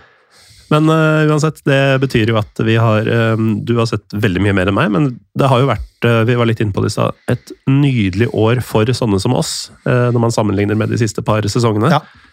Og nå er det jo ingenting som, selv om Trym Hogner prøvde å få det til å virke som om det dukker opp en ny superbølge med covid-19, men eh, alt tyder på at 2023 blir, eh, blir storveis for folk som liker å reise rundt og se fotball. Jeg håper det. Men før 2023 kommer, så skal jula 2022 gjennomføres. Og for nye lyttere, hva er en typisk Marius Helgå-jul? Eh, ikke årets jul, men ei typisk Marius Helgå-jul, den, eh, den starter ikke før på ettermiddagen julaften. Mm. Det er da jula starter, så eh, Og da er du da vanligvis hjemme hos mor og far? da er jeg hjemme hos foreldrene mine, og de spiser eh, lutfisk til middag, og jeg spiser risengrynsgrøt til Yes. middag. Nå har det seg sånn at i år skal vi snart åtteårige niese òg feire jul der, og da blir det tilrettelagt litt ut ifra hennes ønsker. og... eh, og hun har gitt klar beskjed at risengrynsgrøt må vi ha på lille julaften, for den må settes ut til nissen på, eh, på kvelden på jul, lille julaften. Sånn, eh, ellers så kommer det ikke noe julestrømpen. Eh. Hva finner du da på som julemiddag? Eh, nei, da blir det, Så har jeg forhandla meg frem til at vi holder på den faste tradisjonen med ribba første juledag. Så da blir det pinnekjøtt på julaften. Ja, Og det tror jeg sø- søstera mi er veldig glad for, for det er hennes favoritt. Så det kan du også leve med? Det går greit. Og så eh, og Så blir det en slags normal julaften, dette. Ja, For, ifølge andre. Ja, ikke ifølge meg. Eh, og så blir det kveita andre juledag. Så Mm. det, det er nesten det viktigste med hele jula. Hva, hva ønsker du deg under eh, treet? Jeg har ønska meg en eh, ny termos. Eh, For, uh, Også til bredde... ja, for på de her vintertreningskampene, og også nå Ikke sist helg, men helga før, så var jeg på Grorud i ti minus og så eh, kamp. Og da var det deilig å ha med seg en eh, termos med buljong. Jeg skulle til å si det. Altså, Folk sitter og venter på at du skal ha kaffe i den. Ja. Jeg satt og tenkte på det sånn, Du virker som en fyr som fyller den med buljong. Jeg gjør det. og det, det er helt himmelsk, men eh, jeg har oppdaga at den termosen er ikke helt tett. Nei. Så jeg ønska meg en ny termos, og så jeg ønska meg et nytt rivjern, en ny grillvott. Eh, Det er Det er overkommelige oppgaver. Ja. Eller uh, gaver. ja, Det eneste som er litt vanskelig for dem jeg har ønska meg det her til, er jo at jeg har kommet med ønskene veldig sent. Ja. Så det forutsetter at de skal på handling denne uka, omtrent. Og det er ikke gitt uh, når man kommer litt ut i no offense distriktene Nei da. Det- Og alder, for den saks skyld. Nei. Nei, men det, det blir jo helt nydelig. Um, antagelig. Selv om det blir litt avvik fra vanlig skjema med ja. denne grøten og sånn. tror det. Så skal jeg spille en konsert med Mohornmusikk eh, i romjula, Mm. og Og pleie rotsekken, antagelig. Ja. Den sitter i en stund, har jeg Ja. Men Sats på at det ikke setter noe varig med. uansett, eh, Marius Selgå, takk for at du tradisjonen tro eh, rakk innom her før du reiser eh, nordover. Alltid en glede å høre om eh, din måte å oppleve fotball på, rett og slett. Ja, det er alltid en glede å være her. Så får du ha en riktig god jul. Vi eh, ses eh, helt sikkert eh, også neste år. Det er vel alt å frakte for. Til eh, dere som hører på, takk til eh, dere også. Eh, Gudene vet hvorfor dere fortsatt er med etter både 250 pluss episoder og snart to og en halv time med dette her, men vi setter veldig pris på det. Og mm, dere får også ha en god jul, selv om dere skulle holde med Molde eller Vålerenga, faktisk. Skal strekke meg såpass i dag. Um, Da- vi, Kan jeg da få tilføye at jeg ikke strekker meg til å ønske de som holder med Bodø, god jul? nei, men jeg, jeg må tenke litt marked og sånn, jeg vet det. Um, men jeg er jo egentlig helt enig med deg, sånn prinsipielt. Uh, uansett, uh, vi tar uh, juleferie vi også, er tilbake en gang i januar. Um, så god jul, godt nyttår, følg Pyro Pivopod på Twitter og Instagram. Ha det bra.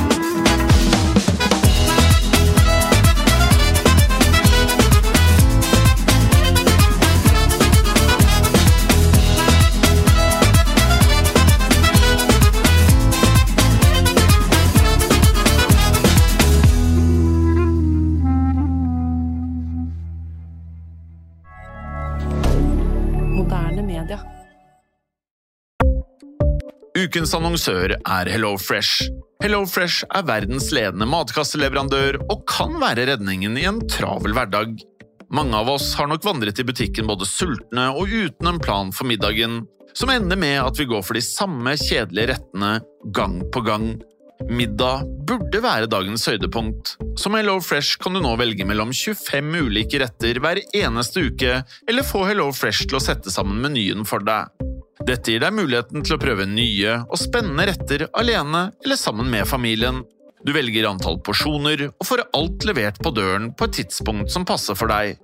Oppskriftene er enkle, og maten er lett å lage både for store og for små. Ved å få alt levert hjem får du også mer tid til å dele matgleden med familie og venner. Kanskje det frister med asiatiske tacos eller greskinspirert kylling? Da kan jeg anbefale deg om å gå inn på hellofresh.no.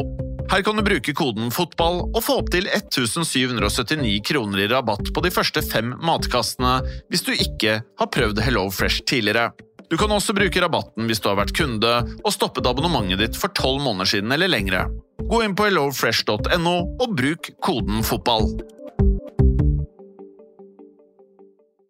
Har du et enkeltpersonforetak eller en liten bedrift? Da er du sikkert lei av å høre meg snakke om hvor enkelt det er med kvitteringer og bilag i fiken, så vi eh, gir oss her, vi. Fordi vi liker enkelt. Fiken superenkelt regnskap.